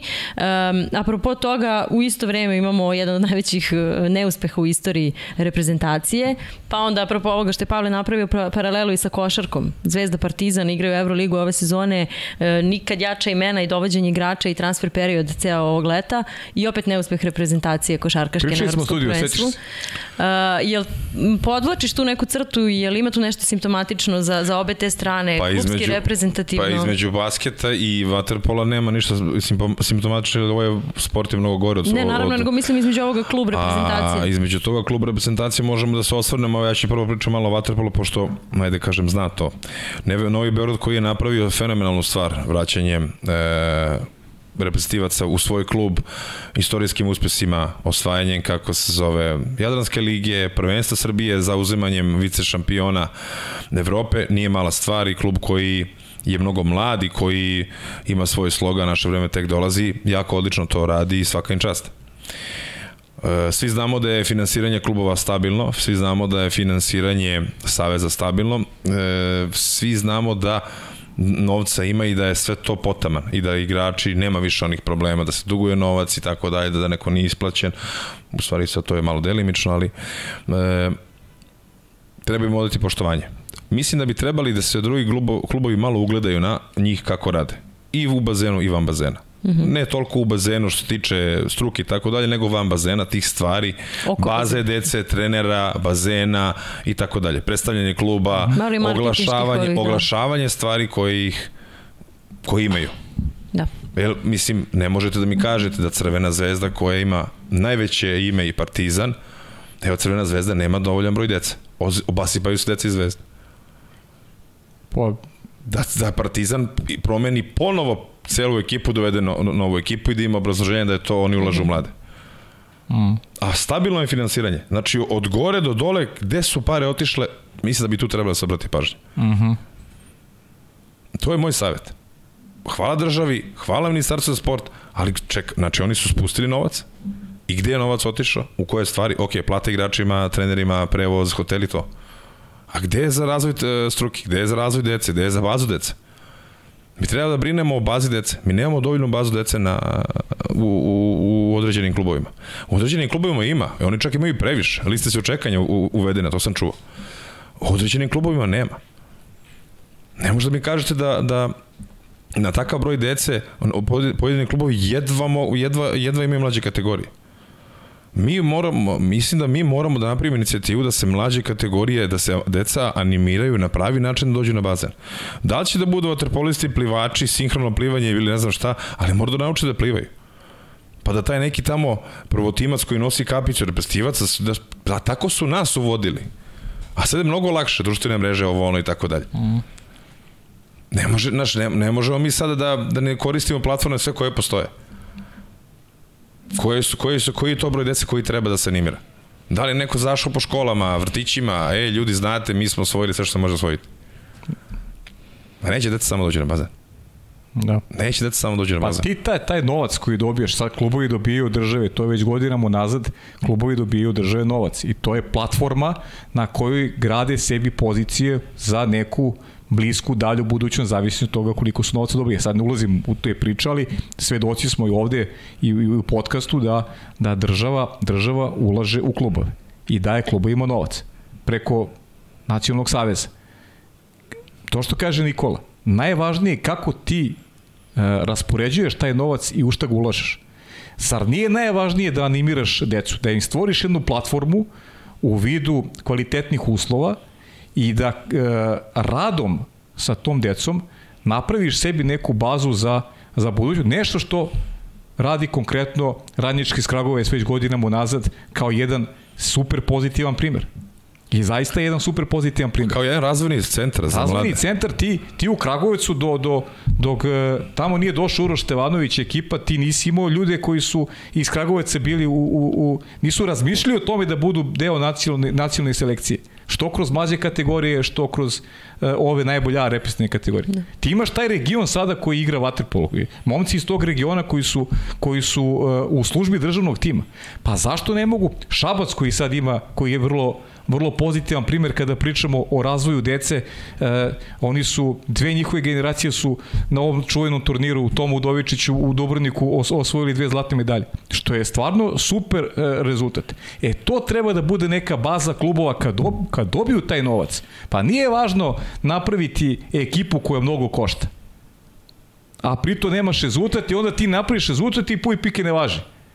I onda idemo, idemo u priču sad pomlađujemo, pa što nisi pomladio prošle godine? Što nisi uložio u mlad tim prošle godine, ne bi došao u situaciju da, da ove godine ovaj, imaš, imaš objektivne probleme. Pričamo konkretno, bit ćemo konkretno, pričamo konkretno o Partizanu, recimo. Ono što je Nikola rekao.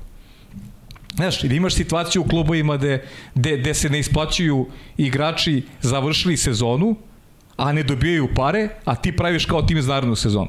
To, to, to su, to, to su nedopustive stvari. Zato sam pitala, da, imam utisak da tu priču jake klubske scene koju smo mi kao gradili prošle, god, prošle sezone, u, uglavnom gradimo oko jednog ili dva kluba. Jel to pa zaista... mi moramo prvo da kažemo hvala što, što je neko te pare dao. Da. Jer da neko yes. nije dao pare, ne bi bilo ni jake, ni, ni jake ne. ekipe. Kaže, Novi Beograd je povukao prvi nogu i digao tržište mnogo gore.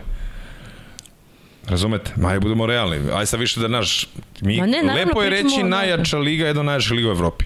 Zbog mm. čega je to tako? Čovek je došao i rekao, jel treba vaterpolo pare, izvolite klubovi pare, nacionalni sav, izvolite pare.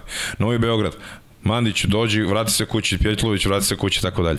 Dobro, i jel, ja, to je veliki iskorak. Tržište je skočilo odmah.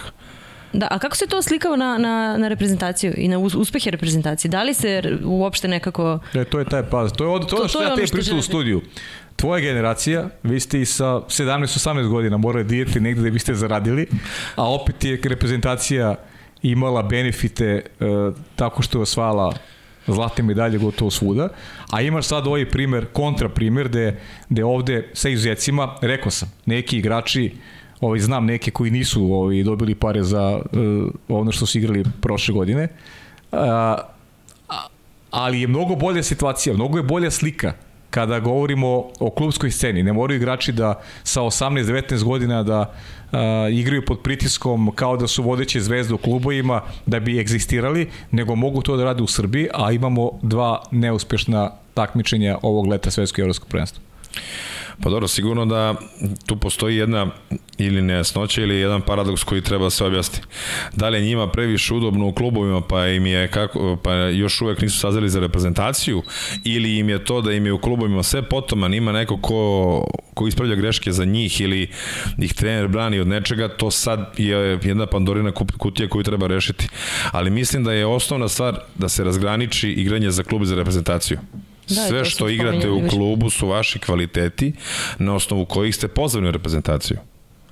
A selektova procena u koju treba maksimalno verovati, ja imam poverenje, je ta da on vas vidi da vredite više nego što vi sami verovatno mislite. A ne možete sebe da degradirate i da rušite igranje kroz cele sezone u klubu tako što ste slabi u, u reprezentacijoj kapici. Znači tu nema ni Da li tu ima veze sa e, redovnom platom ili nema? To je sad debata koju možemo da vodimo. Uh -huh. uh, vi da biste ili za reprezentaciju Srbije ne treba da ne treba budete gladni, treba budete neplaćeni i tako dalje.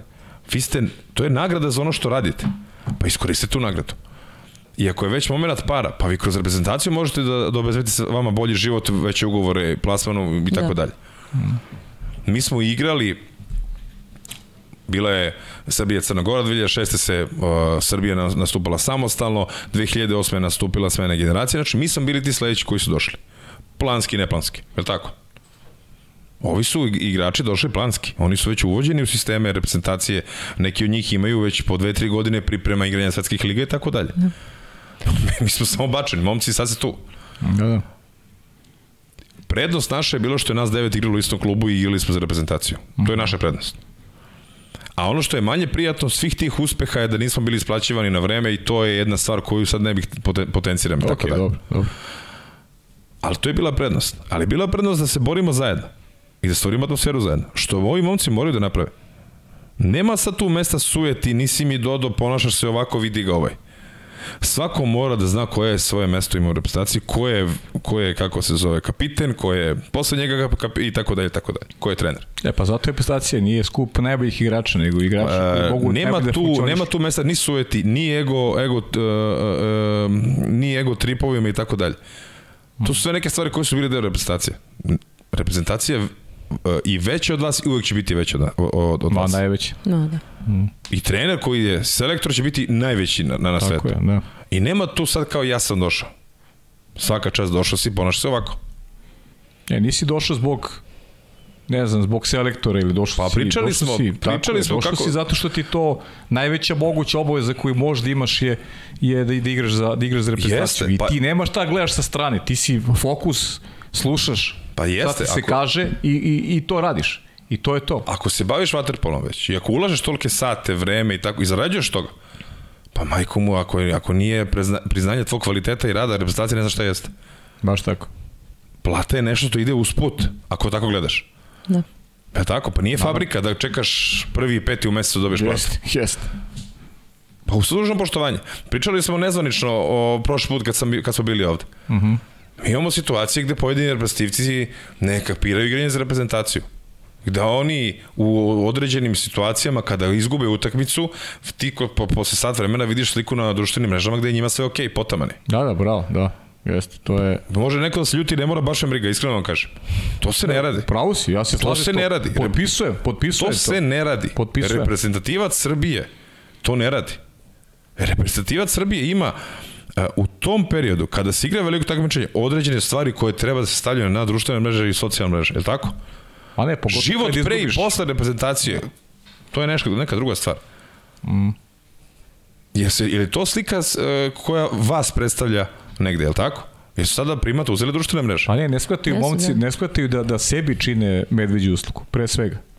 Da sebi Ali čine. mislim da ne postoji ni jedna osoba koja se bavi njihovim nalozima na društvenim Pa to- mrežama. to tokom nemoj, nemoj, polako, da. polako. To onda. sigurno, to mi, sigurno. Mi imamo problem, mnogo problema, društvene mreže su nam... A, a ti si u pravu.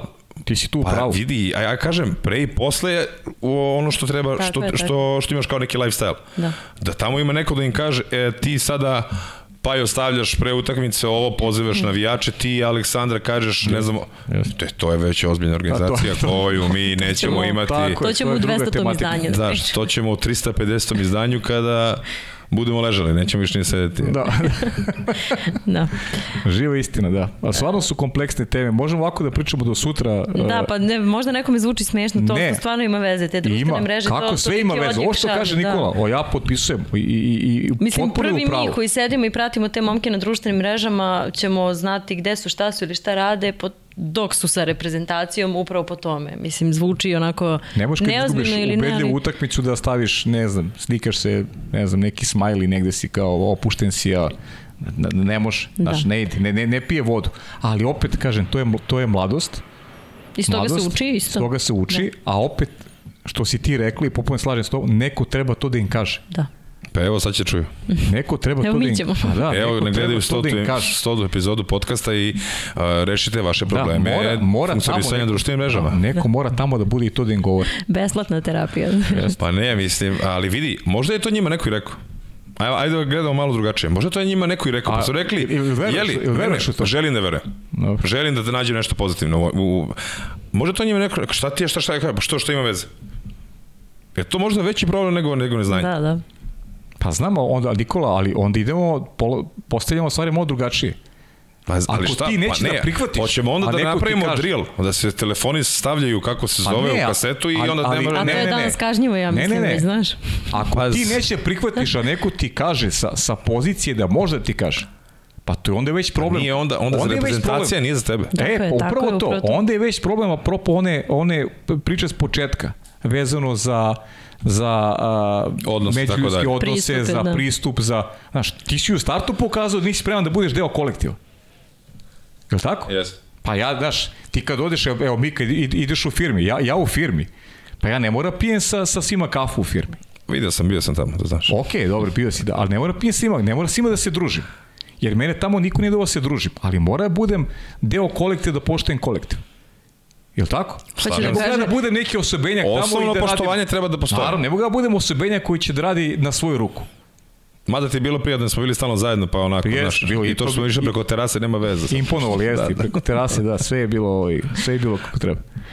Da, uh, mene zanima još, uh, vratit ćemo se ako želite i na Srbiju i na, uvijek nekako se zaključimo Pa ne, istom pričom, ali uh, zanima me ko vas je još na prvenstvu, pa ajde neću reći iznenadio, verovatno za vas nije bilo neko iznenađenje, ali ko vas je onako pozitivno, ovaj, uh, ko je ostavio pozitivne impresije kada reč o igrama, koja je reprezentacija? Ajde, tamo možemo se baviti, možeš ti, možeš, ajde to, analiza malo onoga što nije Srbija, da, da se Da. dotaknemo prvenstva.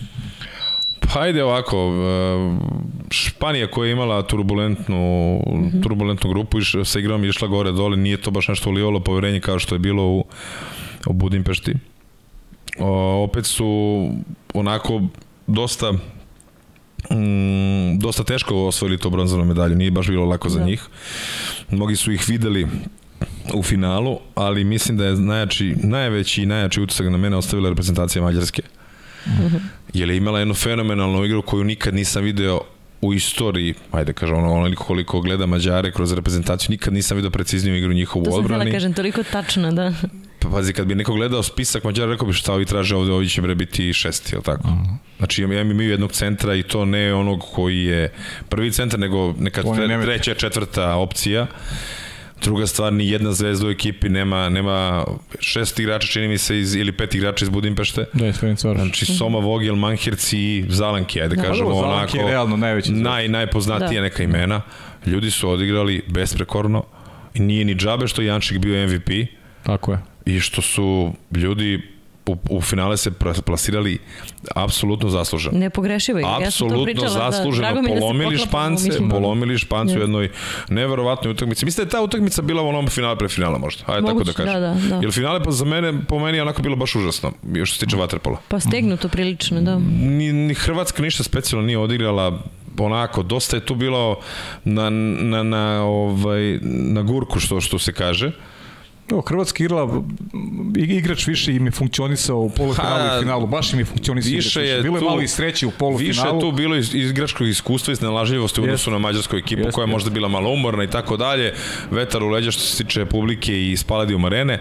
Tako da ništa specijalno nije Hrvatska pokazala kroz turnir. Mm -hmm. Oni su imali, tobom, da. imali su ono e, remi protiv, e, protiv Grka, Grčke, tu su da. sačuvali, otišli su dalje direktno na, čini mi se, Gruziju Na Gruziju, da. Tako da, je. Final. I onda je to već bio neki put koji, ajde da se napravimo ovde u utakmici da, da probamo da uđemo u final. Da, da ali, ali teške utakmice, Italija i Mađarska da. teški real. Da, da, ali evo, za mene je onako najveći utisak ostavila ta Mađarska koja je bila stvarno stvarno neprikosnovena i mislim da će oni u budućnosti biti biti veoma težak protivnik. Pa dobro, oni već jesu u istoriji bili, da. A reci mi, gde vidiš Gruziju u budućnosti?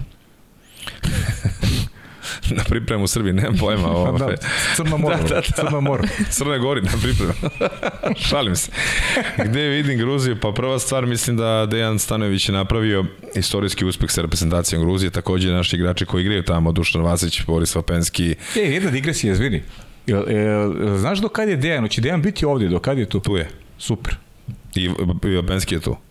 Do, Boris, znam da je tu. Zakazao je da, sledećeg Ma čisto da, ne znaš što osjetljivi kad ga ne spomene. Dejana, Dejana Stanović, Dejan Stanović, to je vrlo interesantno da, da iskoristim da, da je tu. Da, evo Borisa Penski osjetljivi kad ga ne spomenem u prenosu. Da, on, Čak on mi se nežno, žalio, nežno, zašto da. ne kažeš, spominješ Dejana Stanovića, mene ne rekao, evo sad veliki pozdrav za Borisa Vapenskog. Evo i sa moje strane, Borise. Nadam se da ćeš doći do Beograda. Ne, ne zaboravi da si dužan, Borise. Da, kad stigneš do Zmaja zovi, pokupit ćemo te. Znaš, tako da, o, šalim se, Gruzija, istorijski uspeh, pogotovo mi je drago zbog Dejana Stanojevića i one komične situacije gde je predsednik od radosti skočio u bazen. Da. Mislim da to je jedna fenomenalna stvar. Čuo sam čak i od njih da ukoliko da su pobedili, da su ušli dalje da bi još jednom skočio u bazen. pa sigurno ne bi odostao, ostao bi dosledan. Da, da. da. Uh, tako Ko su da... osvojili, on bi dalje bio u bazen. Preneo i bazen u Gruziji. Da. U Gruziji. e, da, jedno pitanje. Da. E, naš bazen iz arene koja je bila tokom 2016. godine je završio u Vljančkoj banji, je li tako? Tako. I dalje tamo stoji. To si mi već pitao pitao. I ja bih stavio tačku.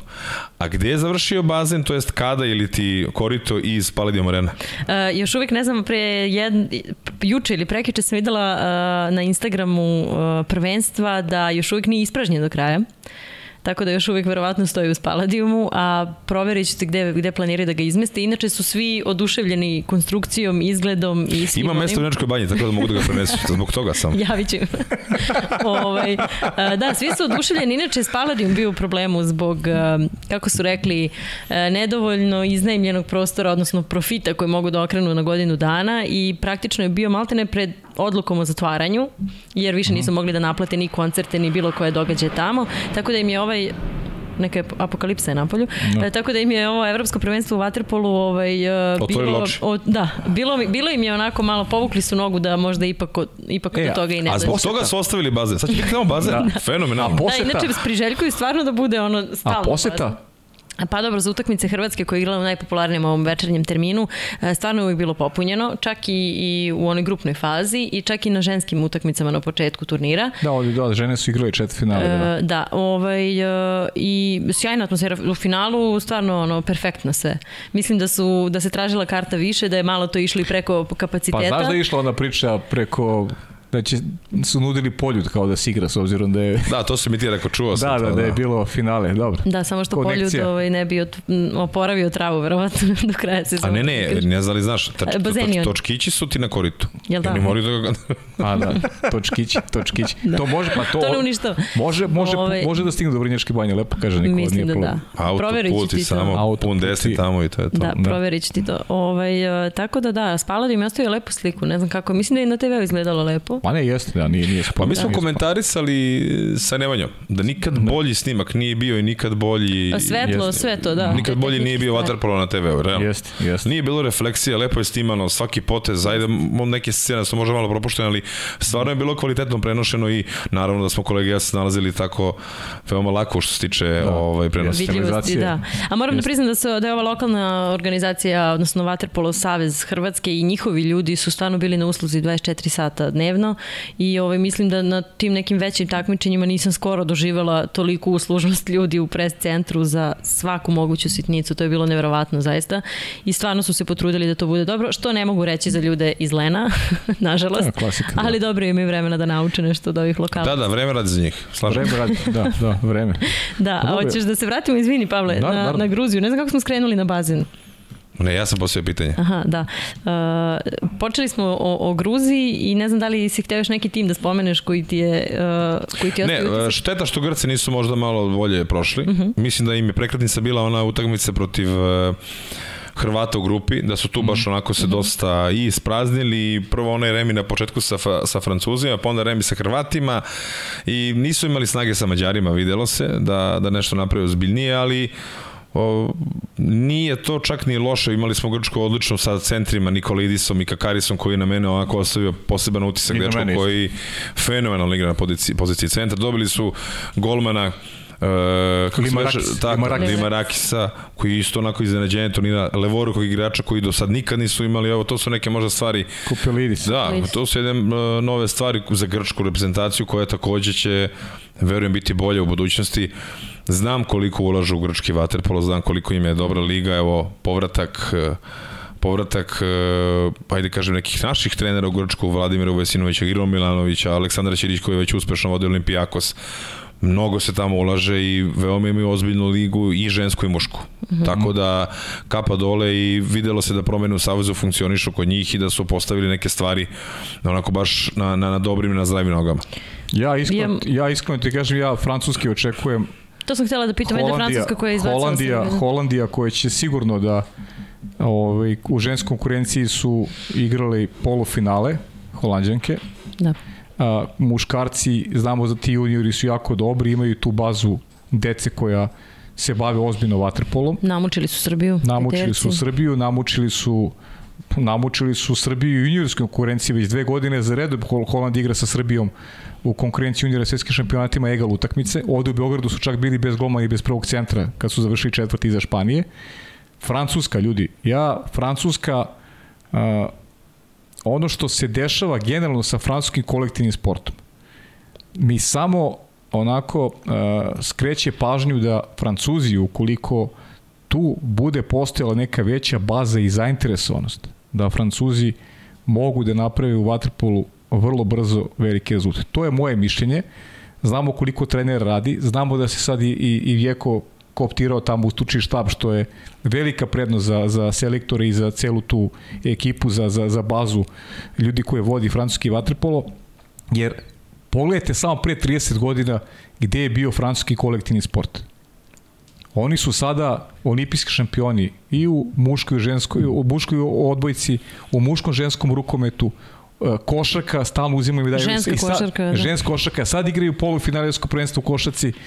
O futbolu da ne govorim, oni su u futbolu uvijek bili sila, ali taj njihov, ta njihova baza a, a, ulaganje u sport i, i onaj čuveni centar sam zaboravio kako se zove, nije ni bitno, a, gde, gde se deca i školuju i gde, i gde ovaj, a, imaju priliku da nesmetano treniraju, bukvalno od jutra do, od jutra do sutra, je, je dovelo toga da, da francuski kolektivni sport je, je možda je to i, i, i najozbiljnije rade od svih u Evropi. Da, pa u košarci to datira od Insepa, da. Insep, bravo, Insep se zove, to je Insep. To, da. to ti je baza generalno za sport, ne samo kad je pitanje košarka, već i rukomet i odbojka i svi kolektivni sportovi i taj napredak je neverovatan kada je Francusko u pitanju i samo je pitanje njihovog, da kažem, nekog stava federacije. Mislim da ova poveda protiv Srbije bi mogla da bude neka i odskočna daska da, da u Francuskoj se ozbiljnije posvete Waterpolu, e, imaju dobru klubu, imaju dobru bazu, imaju trenere svojih prostora. Da, pričali smo upravo da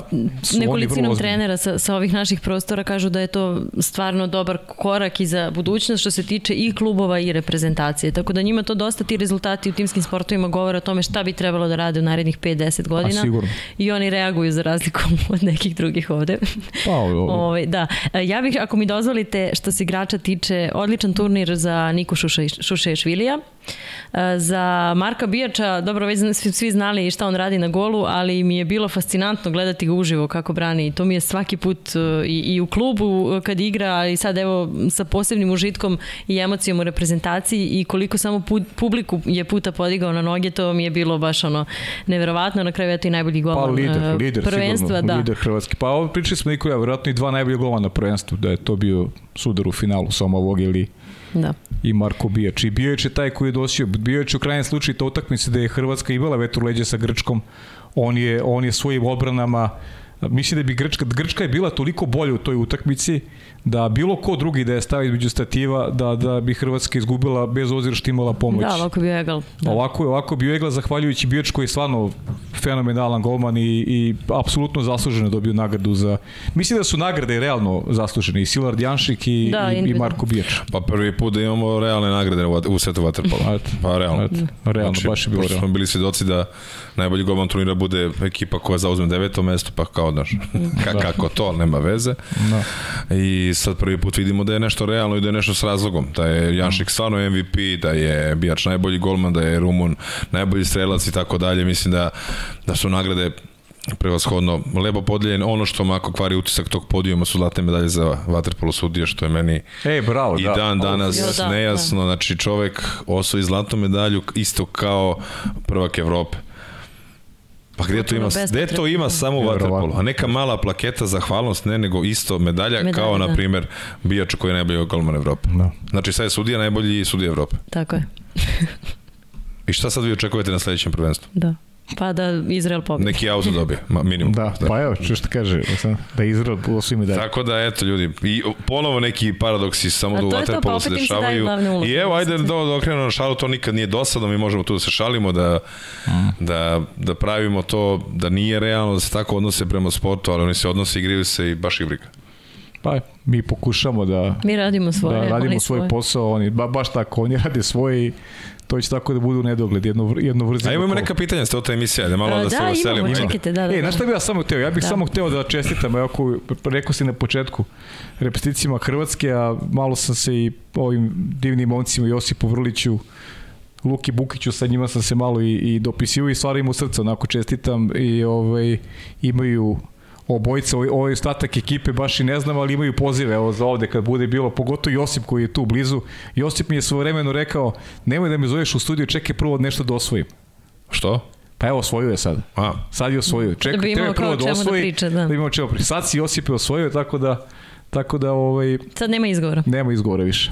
Da, a, pa ima mnogo, mnogo pitanja, komentar na domaćinskom suđenju u finalu to smo već nekako prošli. Pa ne jesmo, samo da. Za, Ko je pitao ako nije tajna da pročitamo e, prezime? Može, naravno, Aleksandar Arsić. Aleksandar Arsić, dobro, to smo prošli to suđenje da. i ne bih puno se zadržavali, jer to suđenje direktno utiče na igru i direktno utiče na, na rezultat i ono što smo pričali Pavle i ja tokom svih prenosa, znači predvidiva igra jedne i druge ekipe, jer oni bukvalno provociraju da se desi igrač više, a ona igrač koja krasi vaterpolo uopšte nije, nije mogla da, da bude viđena. Eto. Da. Ovde ima male prozivke apropo mojih učešća u jutarnjim programima tog Ajde, prvenstva. Može, ajde. A, moja drugarica Ilona kaže, nemam više pitanja, sve si rekla u jutarnjem svakog jutra, pošto sam se ja iz Splita uključivala u jutarnji okej, program. da. Tu će me Nikola odmeniti. Privatizam, Da. malo privatizujemo emisiju sad. Da, da. A, da li je o atmosferi dosta pitanja? Da li je bila najbolja atmosfera ikada i s obzirom na to da vaterpolo nije posjećen sport, makar ne u Hrvatskoj, kako je bilo doživeti finale evropskog prvenstva? Stvarno je ličilo na bilo koji drugi možda popularniji sport. E, I Ovo je najbolje prvenstvo iz, iz pozicije gledanosti sa onim 2016. u Beogradu. da. I mislim da to nije ni slučajno. Mhm. Mislim da to nije slučajno. To su dve zemlje koje vole vaterpolo, koje pogotovo Split. Znamo koliko ima vaterpolo klubova u Splitu, a a mislim da će eto, podinako tako dobro, ako ne i bolje biti u Beogradu 2026. godine, gde takođe očekujemo ovaj, Da nam donesu kadu iz da nam donesu arene. kadu iz da nam donesu kadu ne odande nego ovo iz, iz Vinjačke banje ćemo da vratimo nazad u Beograd. Neće, neće se smiriti dok ne izbori taj bazen iz Hvale. Dok ne izvori kad. Ma katastrofa, mislim. Neverovatno. Da. Ovaj da. A, koji je odnos datih i primljenih golova naše reprezentacije? To smo malo pre ovaj, Pa da, ali ja sam sad Boris ti si zaboja, pametan piše. 79-48. 79, Koga za? 79 datih, 48 primljenih, ali ne znam zašto je to ovaj, interesantno. Da, ne znam, ne, ne govori ništa da, zapravo, ako govori moramo da analiziramo. Bukvalno ne ništa, jer kad kako- pogledaš, Srbija igrala e, Rumunija, Izrael, e, Slovenija. Pa mi smo, kad smo izgubili od Mađara, ne, kad smo završili druge grupe, mi smo imali neverovatnu razliku u odnosu na Mađarsku. Mađarska je imala preko 20 ili 25 više dati golova na nas, a manje primljenih jedno 10-15. Da, da. Eto. To, to je, A to je bolji odnos. ukoliko nešto U tom znači... trenutku turnira je Tako je. to Pa da, više to je bolji odnos da. nego sad govoriti na kraju turnira koji je odnos, jer ovo je stvarno lepo rekao Nikoli, tu smo složili. Najbolja utakmica Srbije na prvenstvu bila protiv Rumunije. Mika, Da, ne znamo šta ćemo, opal- opalimo po Rumuniju. Po Rumuniji. Po Rumunima, da. E, ko je bio naš najefikasniji igrač na prvenstvu? Ja mislim, ja to viš, ne, ja Naš mislim, da, najefikasniji? ja mislim da je Drašović bio najbolji. Možda Drašović, da. Ili, ili, ili, Ili Strahinja. ili Straja, da. Ili Straja. Ili Straja, ali ja nešto mislim da je... Ajde mislim da je probamo Radomir. to da stavimo na papir u sledećem. Pa ajde, da, ajde. pričati, Ako da. je da. Ako već moramo. I mislim da je to to. Jeste vi dobili neka pitanja? Što samo ja čitam? Imam jednu, jednu stvar, ja bih želeo da Strahinji Rašoviću e, čestitam, e, dobit će prinovu, tako da čestitam Strajo i svaka čast, još jednom da bude sve ok kako treba i da kada se rodi dete da bude sve u redu. Eto, pozdrav veliki. Da. Pozdrav, Lepo, lepo. Pozdrav za i od straju, pozdrav i od nas za straju, isto to želimo straju, isto to želimo i tebi. E, hvala puno. Da. Isto to želimo i tebi. E, Aleksandra nam je naša draga čestitala jubilej, da trajamo još dugo. To su neke želje i to je otprilike to. Imate li vi neka pitanja? Ću vidim? Ove, da, to je, to je najlepša stvar koja se, koju si ima saznao tokom prvenstva. Kada ćeš kući, već si dva sata tamo. On nije to pitanje, izvinite. E, izvinite, dragi gledac, nije Dobro, to. da, Milica pita, dobro. Da. Dobro, Ja nemam pitanja. U stvari, Ne. mislim, ovo nije za, ali ovo je da. Pa, znaš šta, ima pitanja, ali manje više se vrte, a pritom ima pitanja koje mi nećemo da... Ili smo Rekao odgovorili ili ne želimo? Pa, na te neke stvari stvarno ne želim da odgovorim, to sam rekao. Ja, ja iz, iz ovog mesta nama je, kao što sam i rekao, vrh piramide je reprezentacija Srbije. I mi pričamo, pričamo realno o stvarima koje se negde ne nas tiču, nego mi možemo o njima da pričamo. Mi ne- treba da pričamo. Tako je, sebi ne dajem za pravo da pričamo o nečemu što, što uh, ja i ne treba da izgovaram. Jer u, ne želim da ulazim u, u, u domen žute štampe, jer se gadim, gnušam se ovaj, toga i neću da budem deo toga. Tako da idemo dalje, čekamo neke nove goste, čekamo neke, neke nove teme i čekamo reakcije e, ljudi koji, koji vode brigu u reprezentaciji Srbije da se možda malo slegnu utisci, dajem im za pravo da im dalje treba to, mada ne prihvatam iskreno, ali im dajem za pravo da im to treba, pa kada budu hteli, vrat ovog studija su im uvek otvorena i kada se osvaja zlato, mislim da treba da, da, da shvate da i kada si deveti u Evropi takođe publika zahteva neke odgovore. Ima ja pitanje za vas. Da. Evo, napravili ste nešto što postoji 100 puta, što se desilo 100 puta. Da. I kako ste vi zadovoljni? U odnosu na prvu epizodu, desetu i tako dalje. Jeste imali možda osjećaj da će doći do, do, 100, do, do 100 epizoda? Da li su ljudi za kamere imali osjećaj da će doći do 100 epizoda? A ste strpljivi s odgovorima. Da. Prvo, ja nisam ovde od početka, to publika Ja znam, ali sada nema, sad neko ko prati nema, to ne zna, ali nema veze. Ajde, da. ti reci. A, da, a, imala sam utisak da Pavle potajno želi da me uvuče u sve ovo dugo, dugo i onda sam na kraju posustala i ušla u ovo. A i nije loše, reci. Nije uopšte loše. A dobra je klopa spritu, rekao sam ti. Tako je. A, I ovaj, a, u, u negde u nekom momentu u skladu sa ovim sam ja krenula neku svoju drugu priču koja je košarkaška i onda nisam uspevala da sve sustignem i da se pojavim ovde i tamo, no nebitno, meni je glavni utisak bio kada sam pokrenula to svoje, čoveče svaka čast Pavlu, on je uradio, ne znam, 90 ovih emisija, ja sam tek na 20. svojoj i tek sad vidim iz tog ugla u kom je on sve ovo vreme, koliko je teško u stvari istrati i da je to jedino što se na kraju dana računa, čini mi se. Lepo je kad nešto novo počneš, kada otvoriš priču, ali mnogo bitno da se završi. Mislim da se završi na pravi način, ono da nikad ne, ne, ne staneš da kažeš što je to. Uh, ja sam baš ponosna na njega, ponosna sam što sam uz njega mnogo naučila, o, ne samo o Waterpolu, nego i uopšte celom ovom poslu kojim se mi bavimo i koliko nekad zna da bude teško, a koliko je s druge strane prelepo, a mislim da nisam, nisam mogla ni naliđim snovima da za, zamislim da ćemo stići do broja 100, kako god okreneš. To se nekako došlo je samo i sad kao nemaš nazad, znaš. Mm. Ja ću ti prvo reći ovaj za za Aleksandru, ja se nadam da će on da ostane i dalje, ovaj, pošto je baš mnogo cenim i volim kada ona tu i ovaj, nadam se da neće da posustane, da će da bude i dalje prisutna, to bi mi baš značilo. A sa druge strane, uh, nisam verovao iskreno, ti kažem da će da bude 100, želeo sam da traje, ja volim to da kažem ono zauvek, ali vi ste ti koji ste me inspirisali da traje. Ali najiskrenije. Da mi je bilo, uh, da sam osetio neki zamor ili da mi je dosadno, da nisam stekao u ljude uh, neko, ne da kažem poverenje, nego neku empatiju koja mi onako bila uh, baš prisutna uh, s poznajom vaših ličnosti i karijera. Ja sam onako nadogradio uh, celu priču koju sam imao pre svega sa mojim prijateljem Jugoslavom Vasovićem koji je jedan od zaslužnijih, možda i najzaslužnijih što se ovo sve odigralo zbog toga što i on meni napravio, zahvaljujući njemu sam stekao konekciju sa, sa ljudima iz Vatepolo sveta. Onda sam napravio neku bazu uh, svojih, sada mogu kažem, negde i, i, i drugara, a i saznao sam nekih mnogo lepih priča koji su me inspirisali da ne odustajem. I sada više nema ovaj, Dilema. nazad, nema unazad.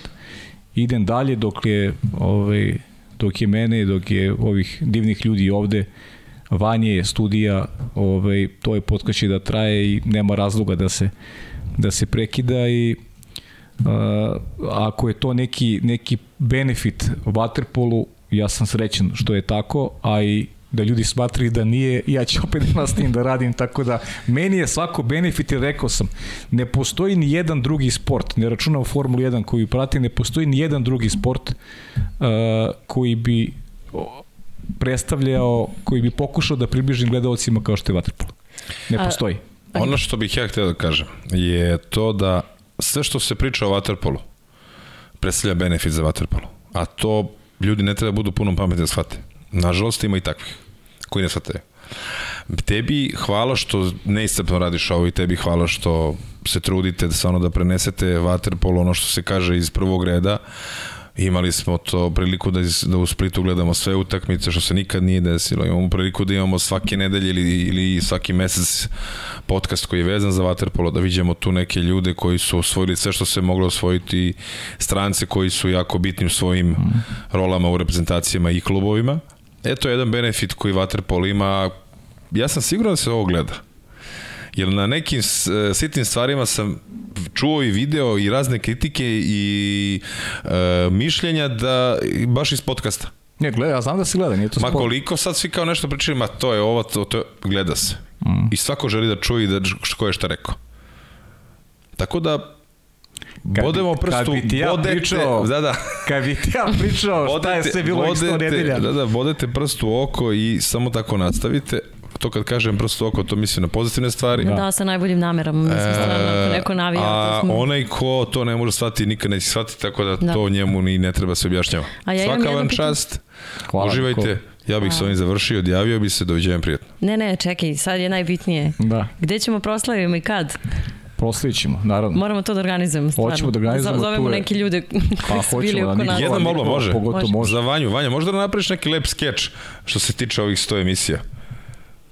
Sve one viceve što Pa priča neke, pre snimanja, neke znaš. šale, ko, ono, komične, tako stvari, da bude ono kao stotka, pa Da da, mi... izvučeš neki ono Tako je. nezemljivosti, ali to zahteva baš mnogo vremena. Kad budeš imao vremena, daš. Pa, Pa on misli i svih sto emisija, da ti to pogledaš. ne isto. Zaboravi, Vanja, ništa. Zaboravi, Još jednom. Dobro, ne, i da ti kažem nešto, i tebi veliko hvala što si uvek tu. Ti si, ja tebe stvarno smatram deo, deo kao deo tima, ne samo kad je podcast u pitanju, već sport klub, tamo si se odomaćio, u ostalom i čuo si šta ti ljudi sve pričaju i tamo prilaze i kolege i dobio si onako sijaset. Sad ispričam jednu, jednu anegdotu od, od, i to sad pričam stalno subota finale, dolazi u studio, bio je na svadbi, Sad neću da pričam, možda ni bitno ni čija svadba ni šta je, ustaje sa svadbe i, i pitaju ga ljudi, gde ćeš ti? Ne mogu žurim, imam prenos. Pravi profesionalac čovjek.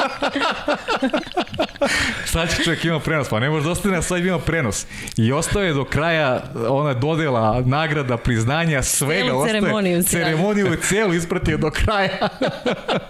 e, to je Nikola Rađen i Da, da. I jesi ovaj, stvarno zaslužen za sve ovo i hvala ti puno i za ovu stotu epizodu i hvala ti što si iskren, što deliš sa nama sve što osjećaš, sve što misliš i ovaj, vidimo se u nekoj sledećoj epizodi. Budi siguran da ćeš biti pozvan. U Ja 201. sam- je. Da. 201. Toliko ste ishvalili jedan drugog da sam emotivna, za- zaplakala bih sad, verujte. Ne me molim ti još da plačemo, ovo je ipak stota emisija. E pa da ja ti se neću pojaviti, mislim, u sledećoj, je tako? Dobro, Kako, kako- već ako snimaš sledeće nedelje? Snimam sledeće. A da, Nisam ti si tu. u Australiji, da, Da. bravo, da, snimam. Dobila si vizu. Da, još pre nego što Dali su ti vizu? Čekaj, možemo apelujemo ovde, molim. A da. Pa znaš šta, evo sad, bi, sad daš kako čekam, Goj, Gojko i Duško to mogu uvek, ali, ali vidjet ću, evo sad ću da otkrijem šta mi je plan ako Dejan Stanović bude Da. raspoložen, iskoristio bi dok je ovde. Nadam se da će da bude tu i sledeće nedelje, tako da to je, eto, možda dobar, dobra prilika da, da, da se sa njim malo popričamo, ovo je baš bilo lepo i, i ima s njim šta da se priča, nijednom još nije bio gost ovde, što je naš propust, ali evo prilika je sada da to će Nikola da završi. Ne bi nešto, A, to a ti završi. Pavle, koga, da, koga bi još volao da dovedeš, a da nisi do sada, ili bi ponovo želeo da ga vidiš u Pa i studiju? mislim ima sad tu, ima tu još mnogo tema koje su nispričane, ima sudije, ima ne znam, voli bih Ratka Rudića svako. to Pa mislim, posle ovoga sad. ti nijedan sudija neće doći. Pa dobro, mislim, to je... Pa i ne treba šta. Da, mislim, ako hoće, pričaju, hoće, ali to Da. je... Ima tu još, ima tu još mnogo ljudi koji, koji su ovaj koji nisu nisu dobili, tačnije nisu nisu došli još, nisam ih ni zvao u principu. Tako da da mislim široka je waterpolo, sve kao šta to, Mali 50 sport, kao, nema 50 puno. kao 50 emisija i nećeš Da, da, da. imati više koga. Pa evo 100 emisija je prošlo ljudi. I ima. još uvijek imaš koga, Ima, da. kako nema. Ima.